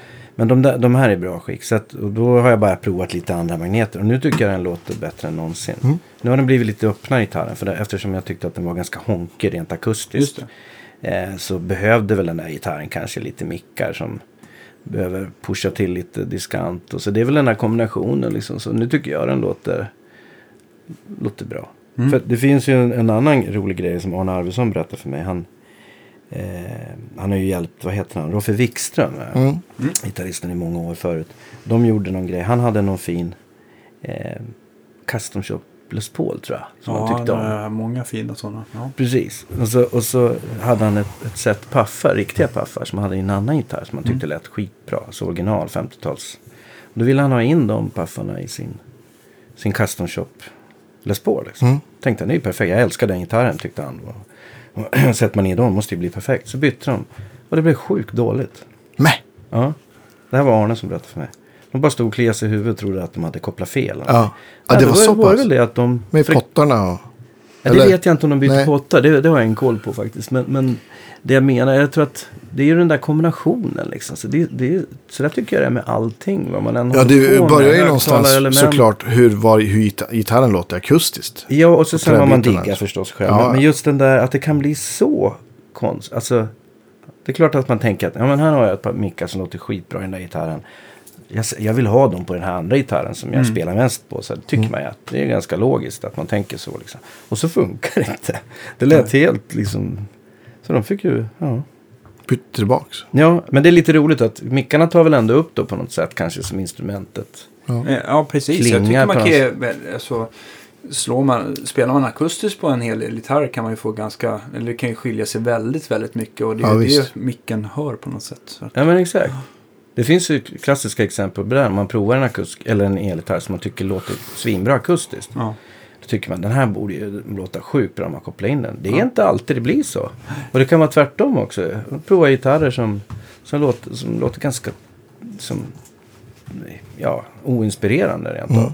Akustiskt. Sen kopplar man in dem så händer det någonting så kan de låta helt fantastiskt. Ja, men precis. Jag vet inte om det finns några regler för det där på något sätt. Jag tror inte det. Jag menar oftast gitarrer som låter mycket akustiskt, de är ju oftast ganska lätta. Mm. Och kopplar man in dem, alltså till exempel man tittar på så här telecaster, det finns ju telecaster som väger en bra bit under 3 kilo i alla fall. Mm. Inte 2,5 kanske, men de är liksom så här svinlätta. Då kan man nästan höra hur de känns som att de blir lite ihåliga i mellanregistret. Mm, sådär. Och det kan liksom bara, det blir bara så här... ehm, låter som att det är mycket botten och diskant helt enkelt. Men det här bärande mellanregistret som man kanske uppskattar väldigt mycket när man är i ett sammanhang. Det, Ja. är, det finns inte där riktigt. Och sen ska jag inte dra alla lätta gitarrer över en kant. För det finns lätta gitarrer som låter skitdåligt och som har låtit fantastiskt. Att, eh, men det är precis som du säger. Det är, Man måste prova, verkligen. utvärdera vad är problemet med det här instrumentet. Och sen så försöka jobba mot Ja. det på något sätt. Och förstås vad man diggar själv. Det är Ja, också ja, det är helt ju- ja, ja, olika. visst. liksom, vad man, hur man vill att det ska svara. Liksom. Och framförallt hur många alltså, olika gitarrister med, det, med sin anslag och ton. Ja, ja, alltså ja, får ja. gitarren att Eller hur? låta helt olika. Ja, visst. Provar man någonting själv så bara, men shit, det här låter inte klokt. Och sen så spelar han på det så låter det, Mm. eller vem det nu är. Mm, En klassiker. Häromdagen jag var hemma hos Sebastian Nylund. Vi satt och jämförde våra twinnar lite. Vi hade någon Ja. sån här, eh, lite En twin-afton. nö- Nördkväll. ja. Han har någon tra- Trainwreck-topp också. Som, Ja. han, som låter, låter fantastiskt. Men då, då tyckte han att eh, hans deluxe, han inte diggat den. Han har en fin gammal deluxe. Ja. 64 tror jag, första åren Mm. vi gjorde den där. Och jag tycker den låter skitbra. Så när jag spelade på den, då tyckte han att men fan, den låter ju bra, tyckte han. Och så spelade han själv på den, fick han ingen feeling alls. Men han tyckte det lät helt okej när jag spelade Mm. på den. Det är ju en klassiker. Så Ja. jag varit med om flera gånger. Man tycker, Ja. fan vad bra det låter. Ja. Och sen testar man den så får man ingen feeling alls. Ja, men så den, jag, Eller köpte, jag köpte en sån här Etos för att du hade den. För Ja. jag tyckte den var så himla bra. Precis. Och jag lät asdåligt på den. Jag fick, fick, fick och jag, ingen feeling Nej, på och jag tyckte det Nej. kändes jättekonstigt att spela. Ja. Men både, både du och, och Micke Berg som spelar på den där så låter det ju fantastiskt. Och jag, Ja, jag, jag fick inte Det till det. konstigt det där. Ja, Alltså, nej, det, Och, och det, det var mest hur jag tyckte att det kändes faktiskt. Jag tror det är mer det. Jag tror faktiskt att man... Det är mera hur det känns att spela med som måste klicka tror jag. Jag tycker nästan att det ska klicka först och Jag främst. tycker det alltså, har du en gitarr som du inte trivs att spela på, då är det nog svårt att få fram bra musik oavsett, Jag tror också Ja, det. men precis. oavsett grejer. Du måste liksom vara hemma lite grann med det, det instrumentet och, och hur det känns. Sen, sen kommer ljudet sen eftersom det sitter ju ändå i fingrarna mest. Men är det, är, är det inte så att man ändå måste... Om, man- allting eh, ska ju liksom vara på topp oavsett. Men jag tänker just att man liksom... Hur, dels hur gitarren känns, att halsprofilen är bra, bandstorlekar och strängtjocklekar och sånt där. Att man liksom, det är nästan när allting kommer omkring det viktigaste. Det tror jag. Väldigt personligt tror jag också. också. Och sen, Ja. så, sen, så, sen så har jag svårt, har man en gitarr som man inte tycker är snygg. Då blir man inte heller glad. Man måste ändå bli så här, Nej. man måste ändå bli lite Ja. förtjust i sitt instrument känner jag. För Absolut. egen del. Att man liksom bara fan, det Jo, men det, det, snyggt, det får man alltså. inte liksom underskatta. Att det liksom ger någon typ av så här, yeah. Ja, men annars åker det inte med i alla fall om det är Nej. saker man irriterar sig på rent Exakt. eh, visuellt. Om man inte nattar sin gitarr på kvällarna, då ska man sälja den. Man, man måste gå fram liksom. Ja. Godnatt då. Ja. Så så gott. Har du döpt dina gitarrer? Nej. har du? Ah, jag, jag har nog bara en som har, har, har namn. Okej. Det, det är min SG som hänger här för om man... Ja, du den, menar skrothögen som du kallar Ja, för. precis. Ja. Nej, den, den heter Angie och det var för att... jag- Angie? Ja, det är en SG och jag gillar Ja, Angus liksom. ja, tänkte, det, men det måste ju vara ett tjejnamn. Ja. Sidospår. Stig kanske jag ska döpa min Stig, ja men det är bra. Jag kom på det.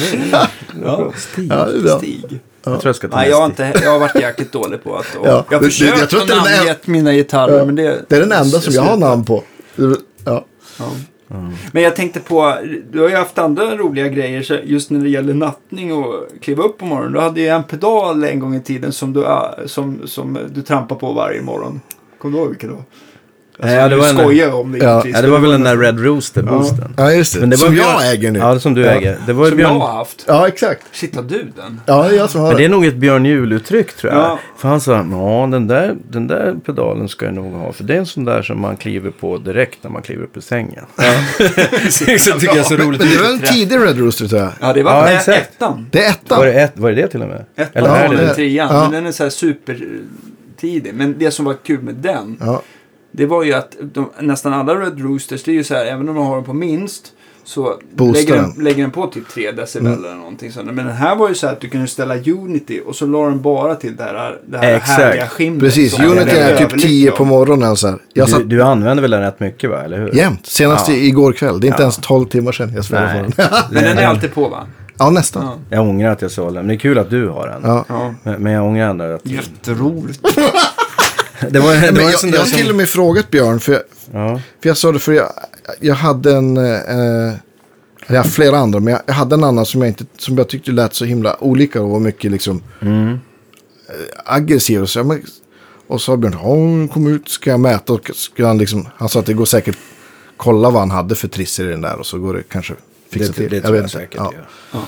Så jag tror inte att det är, det är något speciellt med det där Nej. exet. Det är nog bara vad han använde just då. Precis. Men det är den som har låtit bäst hittills i alla fall. Det tycker jag. Ja. Jag tycker de andra sen som kom, den har, eller de har inte låtit, låtit i närheten av den där. Nej, den Nej, där, ja. de, de, de andra låter mycket aggressivare. jag. Precis. Ja. Nej, den var på jämt kommer jag ihåg. Även med CS40 hade jag den där. Den var på alltid. Det var som en liten, ja, som ett gainsteg bara Ja, det nästan. blev musik liksom. Ja, lite skimmer och lite trivseldist. eller vad det heter. Eh, mm. Sen, sen när det gäller en annan sak eh, som jag har haft mycket eh, glädje av att prata med dig om. Det har varit olika högtalarelement. För det gör ju, alltså om vi Åh, pratar att... den där djungeln. jag, jag kom ur den där för ett par år sedan. Det känns rätt skönt. Men ja, absolut. Ja, men, Du har ju provat ett och annat element helt enkelt. Fy fan, jag- Alltså utan att vi ska gå in på vad alla element Ja. så här, äh, gör för skillnad för ljudet så kan vi ändå bara konstatera att det gör jävligt stor skillnad. Ja, det är galet faktiskt det också. Minst hälften Det inställd, skulle jag skulle jag säga. Och när vi börjar Ja. prata eh, kondensatorer, eh, eh, vet du det, eh, magneter och, eh, och sånt där så gör ju eh, högtalaren, den är ännu mer komplex. Den gör ju ännu större skillnad för soundet. Det är ju, På både soundet och spelkänslan skulle jag Mm. säga. Båda, båda grejerna. Det finns ju element man har testat som låter skitbra. Men det känns jättetråkigt att spela med. Det kan vara för stift eller att det Mm. svampar för mycket eller vad man nu tycker. Eller tvärtom. Och svampar för mycket, då tänker jag på typ så här gamla greenbacks eller någonting Ja, sånt där. typ som Ja, är men trötta, precis. som är lite slitna liksom. De Ja. kan låta helt fantastiskt men det är som att spela i lera liksom. När de börjar Och man kan inte spela dem för starkt för då blir de liksom... Nej, då börjar basen börja liksom... Du får kämpa rätt mycket. Det Mm. blir liksom inte så... Eh, ska man säga? Man börjar spela på ett helt annat sätt också. Mm. Det är därför spelkänslan är viktig tror jag. För de flesta. att man eh, Om du svarar så som du själv vill att det ska svara. Mm. Då behöver du inte tänka på det längre. Då blir du mer kreativ musikalisk tror jag. Eh, men så fort du får börja kämpa och jobba. Då börjar du liksom... Förstår vad jag menar? Att Mm. det, eh, så det är väldigt personligt det där. Men, Ja. Högtalare, absolut. Det är ju, jag, jag provade ju väldigt mycket. Som mest när jag, gjorde, när jag höll på att testa. Det var ju med CS40 eftersom det var en topp. Så kunde Ja, man ha just det. olika lådor. Ja, Och, just det. åh herregud, har jag hållit på med det där. Men det var roligt. Man fick- kom ju på massa grejer och sådär. Och sen är ju såklart allt en smaksak. Men Men är det inte också sådär att, att eh, olika element gör extremt stor skillnad om man har en som 112, 212, 412 Jo. och hur stor lådan är? Ja, ja, ja, visst. Öppen och stängd. Alltså, det- man blir ju galen bara man tänker Precis. på de sakerna. Hur samma element kan... låta Liksom, helt man kan uppfatta det helt olika. Ja. Oh ja. Ja. Jag lånade, kommer du ihåg när jag lånade en 412-låda av dig, Andreas? Ja. Den som vi döpte till Fraser. så här, För Ja, din, just det. din hund, Andreas hund stack in nosen i mina gamla eh, pre-rolla greenbacks från 68. Och bucklade. Ja, och bucklade in. Och Andreas fick panik. Det var väl gammalt. otroligt Frasse tyckte väl att det, att det luktade gott. va? Frasse fick lådan heta sen. Ja. Jag, jag, jag lyckades suga ut Alltså eh, de här damm, den där dust, den här mittengrejen i högtalaren bara. Och Fraser han sprang fram och så och så åkte den in och du blev ju alldeles likblek. Ja. Det var ju dyra element liksom. Men Ja. då tog vi en dammsugare tror jag, så här, på lite svag så här. Ja. Så sög vi ut den där så det liksom det löste sig. Men, men de elementen, Ja, eh, vad skulle jag säga med det här? Jo, de hade jag i någon annan låda tror jag. Så skulle jag ju sätta in dem i den lådan. Mm. Och den låda, det var en, en låda som Björn Juhl ägde. Mm. Som jag bara skulle testa de här. Och det lät ju så dåligt så att det gick ju inte att spela på. Var den, var den lite mindre den lådan som lät dåligt? Nej, den var jättestor och så var det så här om man tog bort bakstycket så var varje element satt liksom i, En i, I en fyrkant. fyrkant. i, en fyr, i egna små fack. Så att det Ja. var liksom, ja, det lät ju helt, helt inst, det gick inte, det gick inte att lira med. Liksom. Och då var det, och då, då lät ändå de där elementen skitbra i andra lådor. Så att det där blir man ju inte klok på alltså. Det, det är för mycket parametrar. Mm. Men ja. Men sen, finns det något element tycker du som är bra på allt? Går det att säga? Det, jag vet att det är väldigt luddigt, men jag tycker en greenback, de kommer ju till sin rätta oftast i en väljudande 412. Eh, Mm. till, och så är de ju ganska rock'n'rolliga i attityden. Det är väl ingenting man har till countrygigget tycker jag. Fast det beror ju på vad det är för stärk man har. ja. Alltså har man en. Marshall, liksom en gammal kanske, eller nya, alltså då är ju greenbacks ganska trevliga. Mm. Och Eller en vissa- AC30 för den delen. Ja, Mm. och vi, vissa sätter ju i de där, alltså de brittiska elementen nu, Mm. de delar ju upp det så. I, i fendrar också för att få Mm. lite det här mera träiga mellanregistret Mm. liksom som kanske inte fendrarna har. Mm. Så att det är klart man kan filtrera sitt ljud med högtalarelementen liksom. Det är bara ja. det. Hur vet man hur de låter? Det är ju en jävla nördig resa det där och läsa om och testa och Nej, jag, jag, jag skulle säga att det finns ingen, för, ingen högtalare som gör allt. Det är som, Nej, det är som att har du en stratta med en humbucker, det låter ju ingen, inte alls som en Les Paul. Eller en... Nej, nej Liksom. jag vet. Jag vet. Precis, Så att- nej det går nog inte att säga så. Nej. Bra, men jag tänker också på så här, ja, man, man försöker hjälpa mycket kunder och, och jag har provat också väldigt mycket högtalare och sånt där. Mm. Eh, dels när eh, folk kommer in, det är oftast att man vill byta i sina Fender-kombos av någon anledning. Bara Mm. för att få liksom en annan karaktär på soundet och sånt där. Eh, om man säger att man har en, en, eh, en eh, Twin Reissue eller en Deluxe Reverb Reissue där det ofta sitter sådana här ganska italienska Jensen Ja. C12K eller Precis, någonting de är sånt inte där. så roliga tycker jag. Nej, det är ju... Ganska hårda och Ja. jobbiga. Liksom. Ja. Eh, finns det någonting som man alltid liksom så här, ja men kör på det, det blir alltid bra. Det funkar ju, de är inte så dåliga så att man inte kan använda det. Absolut inte. De är lite, jag tror det handlar om hur inspelade de är också. Ja, om man får låna någon sån här ny på någon, någon backline-firma firma som har ställt dit någon. Så kanske de har spelats bara någon dag eller två. Liksom. Då är de ju stiffa. Men det är väl nästan alla element tror jag. Ja. Men, men ehm, vad var det du frågade om? Nej, men jag det- tänkte, det- för jag vet ju att du har provat de här Alessandro till exempel från Ja. M&S som har ju varit en trevlig lösning i de, de här fallen. tycker jag är fantastiska. Jag har dem i min Twin nu. Ja, Och de är ju gjorda, de heter GA64. ja just det.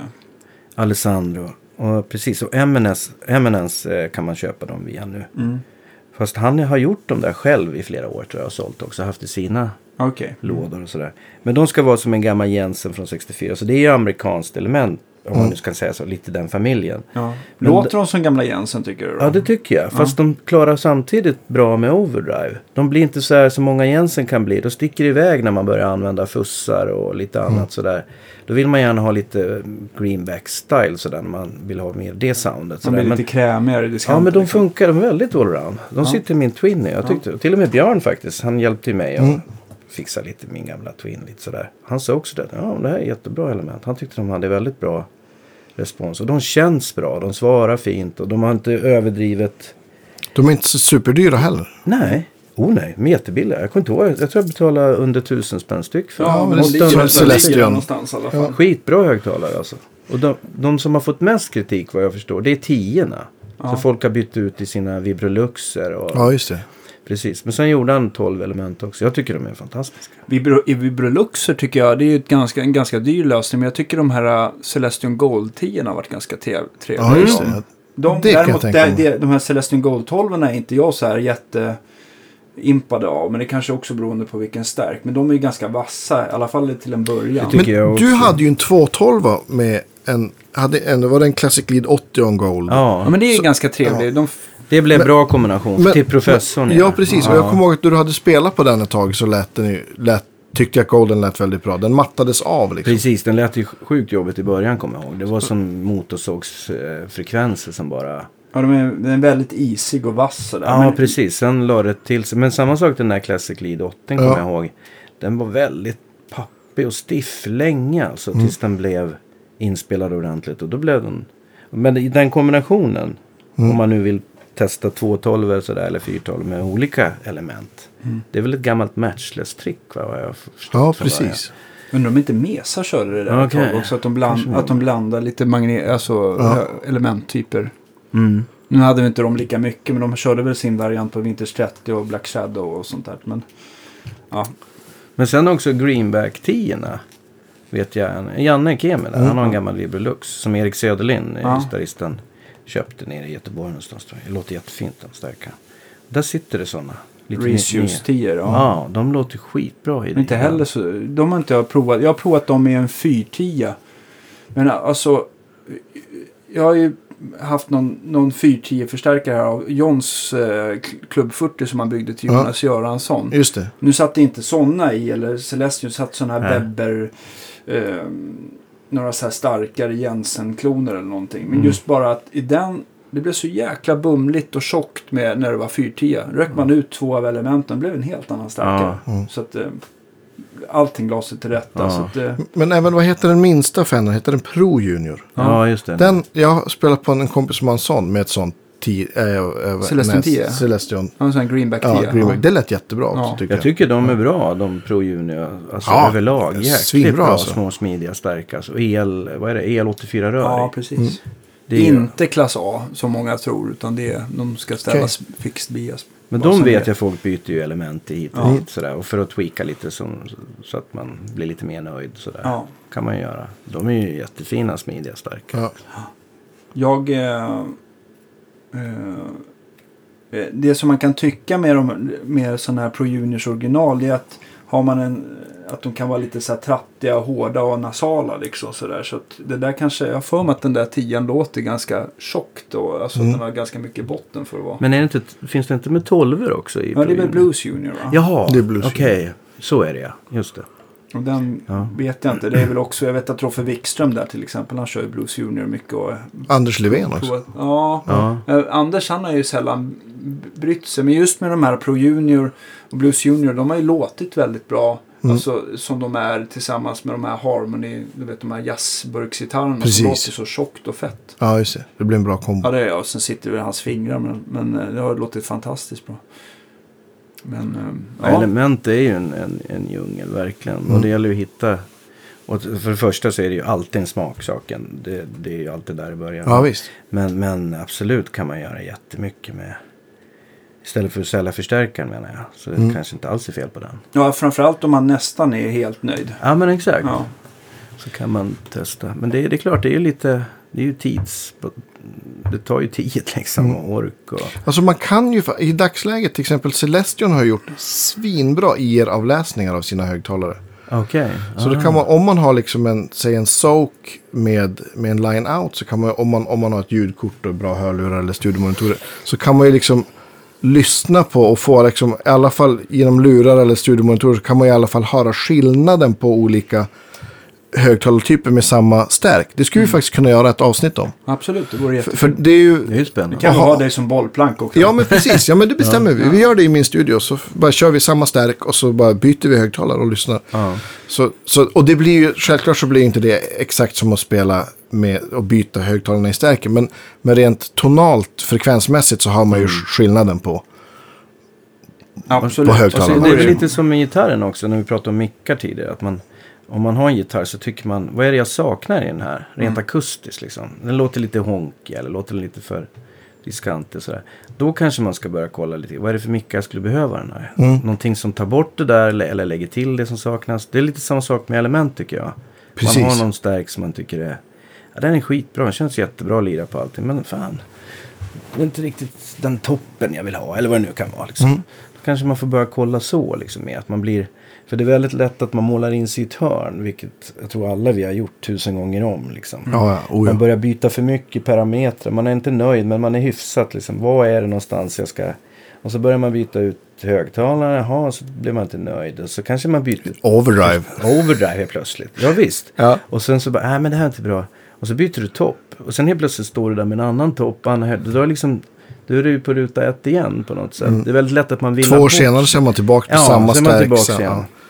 Och det, det, det är så jäkla tråkigt också när man för en gång skulle är svinnöjd med spelkänslan. Fast Ja. man ville ändra lite av de här Mm. frekvenserna. Ja. Och dribbla bort sig totalt. Och så, Ja. så. Mm. Men ibland tror jag också man ska stanna upp lite grann. Och försöka sluta tänka också. För jag Mm. tror att, och bara spela liksom. För det är ändå det man vill göra. Liksom. Ja, men det här är herregud. ju bara liksom små verktyg för att få lite inspiration. För att få dålig sömn. Exakt. Nej men jag tror att det kan bli lätt att man tänker att det blir för mycket. Liksom. Det tar upp rätt mycket energi också. Jag kände det ett tag. Men det var ju mycket för att man var intresserad och testa sådär. Men eh, jag tror att många gånger också kan man vänja sig faktiskt. Definitivt. Absolut. Att, att man kan tycka att äh, men det var inte så bra först. Men sen när man rattar lite och testar så fan det funkar ju skitbra live det här. Och får feeling på det här. Och så, och så Man kanske plötsligt- anpassar sig lite Ja, också. men jag tror det. Och man, man, man liksom, det viktiga är bara att man får, att man får inspiration liksom, så att man kan musicera på något sätt. Det är där det ligger någonstans. Men jag tänkte på det, så här, spela in högtalare. Du sa till Ja. exempel här Classic Lead 80 som är ett, ett element som tog lång tid att spela in. Mm. Upplever du som att vissa element tar längre eller kortare tid att, liksom, att de ja, ska det, mjukna? det har jag nog tyckt alltså. Och har det med effekthålligheten, ju, ju, liksom, ju, ju mer vatten de klarar desto längre tid har det tagit. Det, det tror jag faktiskt. Ja. En högtalare som är, tål rätt mycket och är ganska... Jag tror att de behöver pumpas ur lite mer innan de börjar bli lite varma liksom. Än en, en kanske en väldigt svag högtalare, alltså någon 25 watts. Jag, jag, jag vet inte om det är så, om det är sant. Men Nej, det men det känns som att det är lite... jag, jag tror det. det också. Har ni, har ni eh, spelat in dem alltså bara av egen kraft eller har ni liksom lagt en, en alltså kopplat in eh, CD-spelaren in i förstärkaren och låtit det gå över natten? Jag har aldrig gjort det. Jag har funderat på det. Men man, det borde ju gå att göra med en loop-pedal hur enkelt som helst. Liksom. Ja. Ja. Jag har gjort både och faktiskt. Ja. Och Har, Sist- det, har det varit liksom så här natt och dagskillnad när du kommer dagen efter då? Eller hur måste det Ja. ta, ta det längre tid? Sist de här Alessandro-lurarna, då fick jag faktiskt hjälp av Kalle på LH. Ja. Han har väl inte den servicen rent generellt, men jag tror att om man frågar honom så kan man få hjälp. Då åkte jag till Kalle med mina de här Alessandro. Ja. Så la vi ner dem i någon låda där, med lite Ja. kuddar och sådär. Och han är, han är ju så duktig, han vet ju hur mycket effekt man kan skicka in Ja. och hur lång tid han gick och stäng. Så de låg och, surrade där några dagar inne i ett rum och störde inte hans jobb. Och så gick han och stängde av lite, fick de kallna lite grann. För magneterna blir lite varma, man kan inte pumpa för mycket i dem. så ja, just det. Och då lite olika frekvenser också, sa han att man skulle göra. Så han hjälpte mig med det där. Jag tror jag gjorde det i tre, fyra dagar. Då spar man ju in enormt mycket om man nu vill att de ska bli inspelade snabbt. Mm. Då slipper man liksom göra 80 gig innan de låter bra. Liksom. Ja, för det är väl ändå så här 50 till 100 timmar innan Ja, det liksom precis. mjuknar till. Så jag tror de var där en Vissa kan, scumbags kan man ju köpa för Yes, inspelade till exempel. Det tycker jag är en smart. lite Ja, extra. Ja, exakt. Ja, men det är inte mycket. Det är väl en hundring eller två. Ja, ja visst. Otroligt smart. Det är ju en bra service. För att det, är, ju- det är ju ändå liksom. Materialet måste väl på något sätt eh, värmas till. Eller vad det nu är för någonting. Mm. Det, Ja, men jag tänkte bara så här. Upplevde du liksom en stor skillnad sen när du satte tillbaka dem? Eller, blir, eller är man rädd att det ändå blir lite så här placebo? Att man så gärna vill att det ska vara skillnad? kan nog vara lite både och kanske. det är det du Man, menar. ja, men jag har bara tänkt, jag har tänkt på det. Man, man kanske inte ska förringa placeboeffekten. Den kanske är nog så viktig. Ja. Ja, precis. Ja, men men däremot, däremot, jag tycker din Club 40 som du har, Ja. där det där Creamback eh, 65 man har fått mycket stryk. Alltså den låter ju väldigt annorlunda mot en, mot en ny Ja, det gör mot den. sånt element. Den hade jag ju i min Two Rock Combo innan Ja. också. Så den är ju verk, verkligen inspelad. Ja. Ja. Jag tänkte den här placeboeffekten bara för en liten parentes. Mm. Det är som man har spelat med en sångare och sångerskor som kanske tycker att man ska transponera ner en låt för att den är för hög.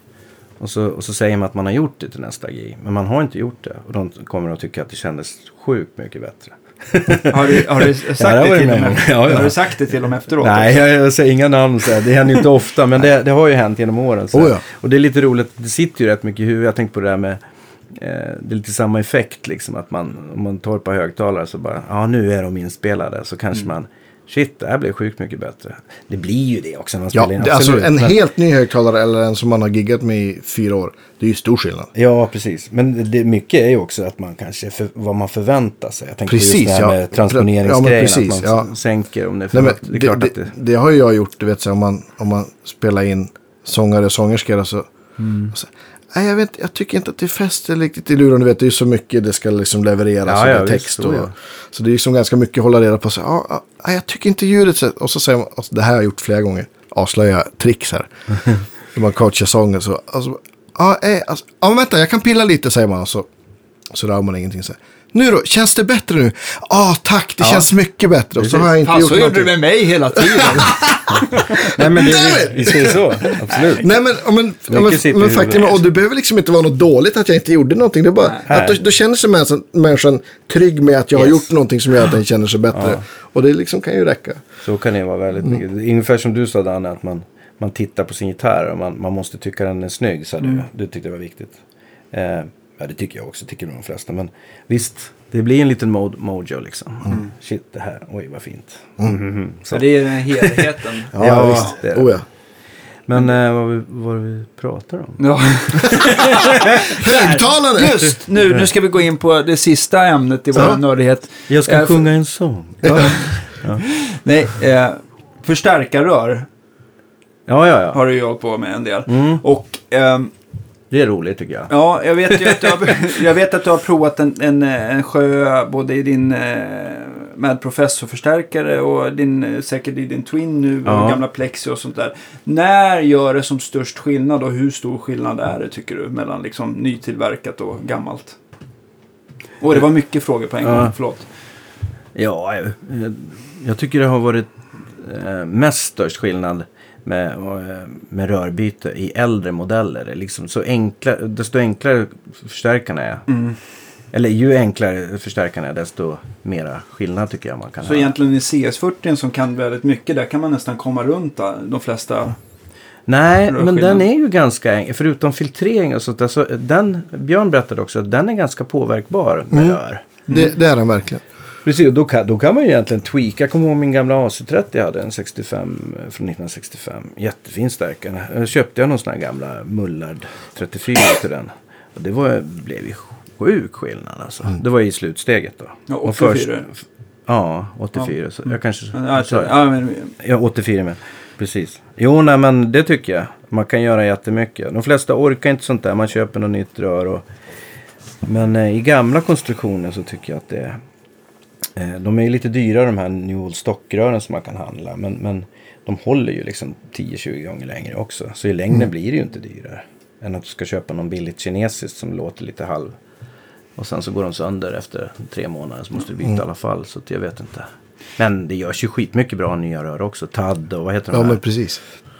Jag tycker Tube Amp Doctor, eftersom jag sitter bredvid John här dagligen, alltså man märker att det är ganska lite som kasseras. Annars kan man ju köpa sådana här stora ark med, alltså det bara kommer jättemånga rör som inte är genomgångna av TAD till exempel. Och då, då får det ju kasseras kanske 20% av dem istället för, istället för en av hundra. Eller Ja. någonting Ja, sånt det är, de är jättebra. Men rent ljudmässigt så, så tycker jag ändå de gamla klassiker liksom. Ja. RCA eller Telefunken, Mullard liksom. Om man Det, det är, alltså det är, jag tycker det Ja, blir på, på gamla förstärkare. så- Ja, gamla, gamla konstruktion, så gamla twinnar eller det kan även vara nya twinnar. För de är ju gjorda på gammal Samma sätt, konstruktion. ja. ja. Eller Marshalls liksom. Ja, men precis. Absolut. Alltså, första ingångssteget, även nästa gainsteg. Liksom. Kan man pilla lite. Man kanske kan ha ett RCA i, i andra steget och en mulla det första. Eller tvärtom, vad man gillar liksom. Mm. Men, men det är ju alltså övertoner, kompression, allting. Det, ju- Mm. det gör ju jättemycket.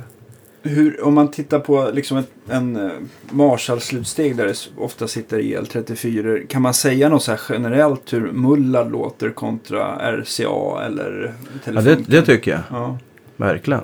I Mullard eh, har de mer kompression eller? Jag tror de är väl mest kända för det där, det där vokal, alltså vad säger man, vocal midrange. Alltså att det är lite väldigt fin, varmt mellanregister som ligger i liksom samma frekvenser som sång och gitarr och piano är. Alltså den, vad det nu är för mellanregister, vet jag inte exakt frekvensmässigt. Men väldigt fin mid har de liksom. Mm. Och sen eh, när man styr över dem, när de börjar Ja. dista lite så blir det väldigt varmt och sådär. Så mu- mullar det är, det är väl deras tror jag. Eh, styrka. Så RCA är väl amerikanska, de är lite toppigare och lite mer twang, lite mer sådär. Men också varma. Alltså det finns ju så tusen olika karaktärer och de reagerar olika i olika stärkare har jag märkt som man har provat med. Så det är också en smaksak det där. Men, men absolut är det skillnad. Telefunken har jag aldrig riktigt... De, de är lite så här hi-fi på något sätt. Aha. Jag vet att folk Okej. använder dem, de hi-fi-nördarna, de som köper Mm. gamla stereo alltså gamla förstärkare och håller på med hi-fi-grejer. Och... De gillar dem. Ja, ibland sådär. Men det är väl de här klassiska märkena tror jag. Mm. Om det man finns nu... väl hur mycket som helst. Ja, men jag, jag, just det där om RCA, vad heter de? Amperex, tyska. Amprex, ja precis. Eh, mullar, vad finns det mer? Sylvan. Sylvaner, men ryska rören förstås. Absolut. Mm. Alla har sina karaktärer, det har de ju. Men sen tror jag att de har en modern stärkare sådär. Som många stärkare blir det ingen skillnad alls om du byter. Nej. Eftersom det mesta är ändå fixat i stärken på något sätt. Att Mm. röret bara... Så att, jag vet inte, man får väl fråga den som har gjort stärken kanske. Hur pass, hur pass påverkbart liksom. Ja men precis. Ja, men jag pratade med Björn om det där. Till exempel Ja. på 1 101 så. Vad det var för slutrar. Det kommer inte göra någon, någon Nej, skillnad på. precis. För allt ljud är liksom gjort i, Exakt. i försteget på dem. liksom. Men på CS40 däremot så gör det stor skillnad Ja, på just. vad du har för olika. Precis. Jag växlade ju rätt mycket i min, alltså den Ja. CS40 som du har nu. Eh, och jag tyckte att det blev rätt mycket. Men jag gick ju aldrig alltså in i det här, eh, vad heter det, för det är ganska kostsamt att hålla på med gamla New Stockrör Ja. om man ska köpa på sig och för att bara testa med Absolut. skull sådär. Så Mm. jag kom- kommer fram till att jag tyckte de här uh, Winged Sea från, från eh, Mm, de är ju populära. som jag tyckte var roligast. Där. Hade ju absolut inte mest headroom, men de hade någon sån här någon speciell... Kan man Det kalla det finns- för lite sockrig diskant Ja. kanske? Mm. Men förstegsrör det är liksom det är long plates och det är short plates och det är black eller black plates och grey plates och det är alltså det bara samma rör. aldrig. Nej, men det finns liksom kanske fyra, fem olika varianter på varje som har olika Ja. karaktär också. Men gör, AX7 gör alltså. long plates och short plates eh, någon, någon skillnad i sig? Ja, det tycker jag är en enorm skillnad. 50-talet tror jag, 40-50 eller ännu tidigare, då fanns det bara långa Okej, long plates förstegsrör. okej. Det var inte förrän på 60-talet tror jag, har jag läst. Så kom de här short plates. Och de har lite mer kompression och inte lika mycket headroom och sådär. Aha, okej. Inte lika mycket diskant heller. Lite rundare och mer kom kompression De är mer öppna, mycket öppnare. Ta Lång- med hela frekvenserna på ett helt annat sätt. L- Long plates? Ja. ja. Säg, säg generellt. Så Fan vad skönt. Du, nu finns det lite saker för er där ute som ni kan i- grotta ner er i. Ja, Ja, men jag har vid testat efter detta program. Så här, man, eh, det låter ju som att man bara inte gjort något annat än att suttit och... Jag har faktiskt spelat en del också. väldigt mycket. Nej då, men, men, eh, det, men det är roligt för det är så enkelt att byta. Vem, Man behöver inte vara någon tekniker för att göra det. Ja, men det är kul. Du har ju varit nere hos mig och, och, och testat. Så, på Ja. så sätt har jag fått höra och känna Ja. skillnaden. På, och det är ju väldigt Det, intressant. det är som att Lasse ha- krattar grå- gången för dig och du Ja, men kan liksom lite. så här komma in när det är viktigt. Ja, nej, ja, eller så här bara. Eller jag tror att det är mest för att du vill kunna spela starkare än du kan hemma. Nej, jo, precis. Nej, men- man får komma till nej, men, studion och eh, testa nya stärk. ja. ja, men det är ju det är skillnad. Men jag har liksom inte tordas vandra, börja vandra på den där stigen själv. Nej, men många gånger också om man inte vet hur det... Om, alltså om man är nöjd med som det är. Mm. Och inte har något intresse av det så då, då, då är det väl bra. Är det bra så är det ju bra. Ja, såklart. Det är bara att gratulera helt enkelt. Ja, exakt. Så är det ju med allting egentligen, såklart. Det är väl bara det att just det där att man med gamla, man har en gammal deluxe eller liksom. Fan, det blir ganska stor skillnad. Framförallt de där lågvatts deluxerna. Om man byter ut slutstegsrören kanske till några fina blackplates RCA liksom. Framförallt när de kommer upp lite på volym och det börjar leva alltihop. Alltså, då börjar ju, 6 6 är det. ja, det börjar ju hända grejer alltså. Nu tänker jag på, förlåt, deluxe sa jag. 6 eller 6 tänker jag på. 6 eller 6 då är det pro reverb. Ja, ja, typ så. Mm. Kanske su- Eller super reverb ja. eller twin. 6 v 6 är det väl deluxe. Så Så eh, 22 watt. Men det är ju en sjuk djungel alltså. Det går ju inte att säga vad som är bäst eller sämst. Eller Men tycker du att om man liksom så här eh, jämför eh, rör med högtalare. är ändå att högtalaren gör ändå större skillnad tycker du? Nej, det vet jag fasen alltså. Jag tycker det har varit väldigt, väldigt stor skillnad där. Alltså både och. Vad jobbigt. Nu blev det jobbigt. Ja. Fast jag, jag, jag vet inte, man, om man håller på ett tag då, då kommer man ju fram till lite också vad man gillar. Och sen så kör man ju på det. Mm. Ja. Det är en ganska skön känsla när man väl har hittat det. Så, ja, men det här funkar skitbra i den här. Så Mm. Det blir lite som så här, då drar man streck över det. Men innan man kommer dit, alltså folk som, Mm. som letar efter det, då är det ju frustrerande ibland såklart. Och så beror det på hur mycket man orkar och hålla på. Man vill inte att det ska ta över. Men, men, det, men i alla fall, rör är ju, kan man ju tweaka rätt mycket med tycker jag. Ja. Och högtalare också. Så. Mm. Men eh, också att man, kan, man får vara öppen för att man ändrar smak över tid också. Absolut. Ja, definitivt. Men, många, nu ska jag inte smutskasta någonting, men det finns ju saker som man för tio år sedan bara som man spydde på som bara, men fan det här var ju inte så dumt. Nej, Precis. Så att, eh, Precis. Ja, och det är lite, lite så här var sak på sin plats också. Mm. Ja. Alltså ett... Eh, en, en Alnico Blue är ju en fantastisk högtalare. Inte tillsammans med en Dual Rectifier dock. nej. Så att det är liksom beroende på vad man vill få fram och vad man söker efter. Så, den Alltså- kombinationen kan ju vara... Jag satte i sån här Alnico Blue i min Pro-reverb en gång. Ja. För att bara prova. Det, var det gick ju inte. nej. Det var helt fel match. Ja. Till Fender. Tyckte jag i alla fall. Ja. Men så den lägger till fel diskanter. Nej, det, var, det blev ju helt plötsligt. Det blir så, det blir så mycket diskant så att det, det, det, det funkar inte alls. Det blev Nej. jättekonstigt alltså. Ja. Ja. Så att, eh, ja. Hmm. Ja, nej, men Det det, kommer en kund här. ja, nu kommer en kund. Klockan Ja. är tolv. Ja, det- Danne Men, men eh, ja. kan vi bestämma det att eh, vi, vi kör ganska snart en till podd om... eh, och, och, och, om, lyssna på lite eh, olika högtalartyper.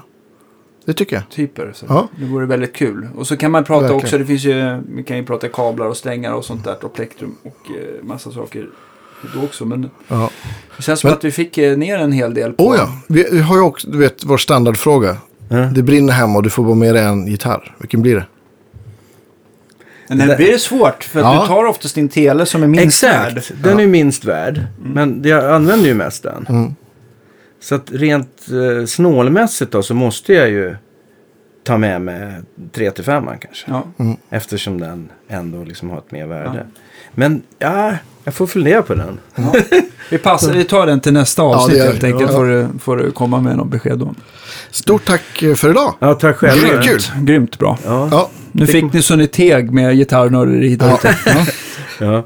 på bra. återhörande snart. ja och det nästa vecka är vi tillbaka som vanligt. Ja, Ja. absolut. Ha det bra. Tack. Ha det så Hej. Tack så Hej då. Hej, hej.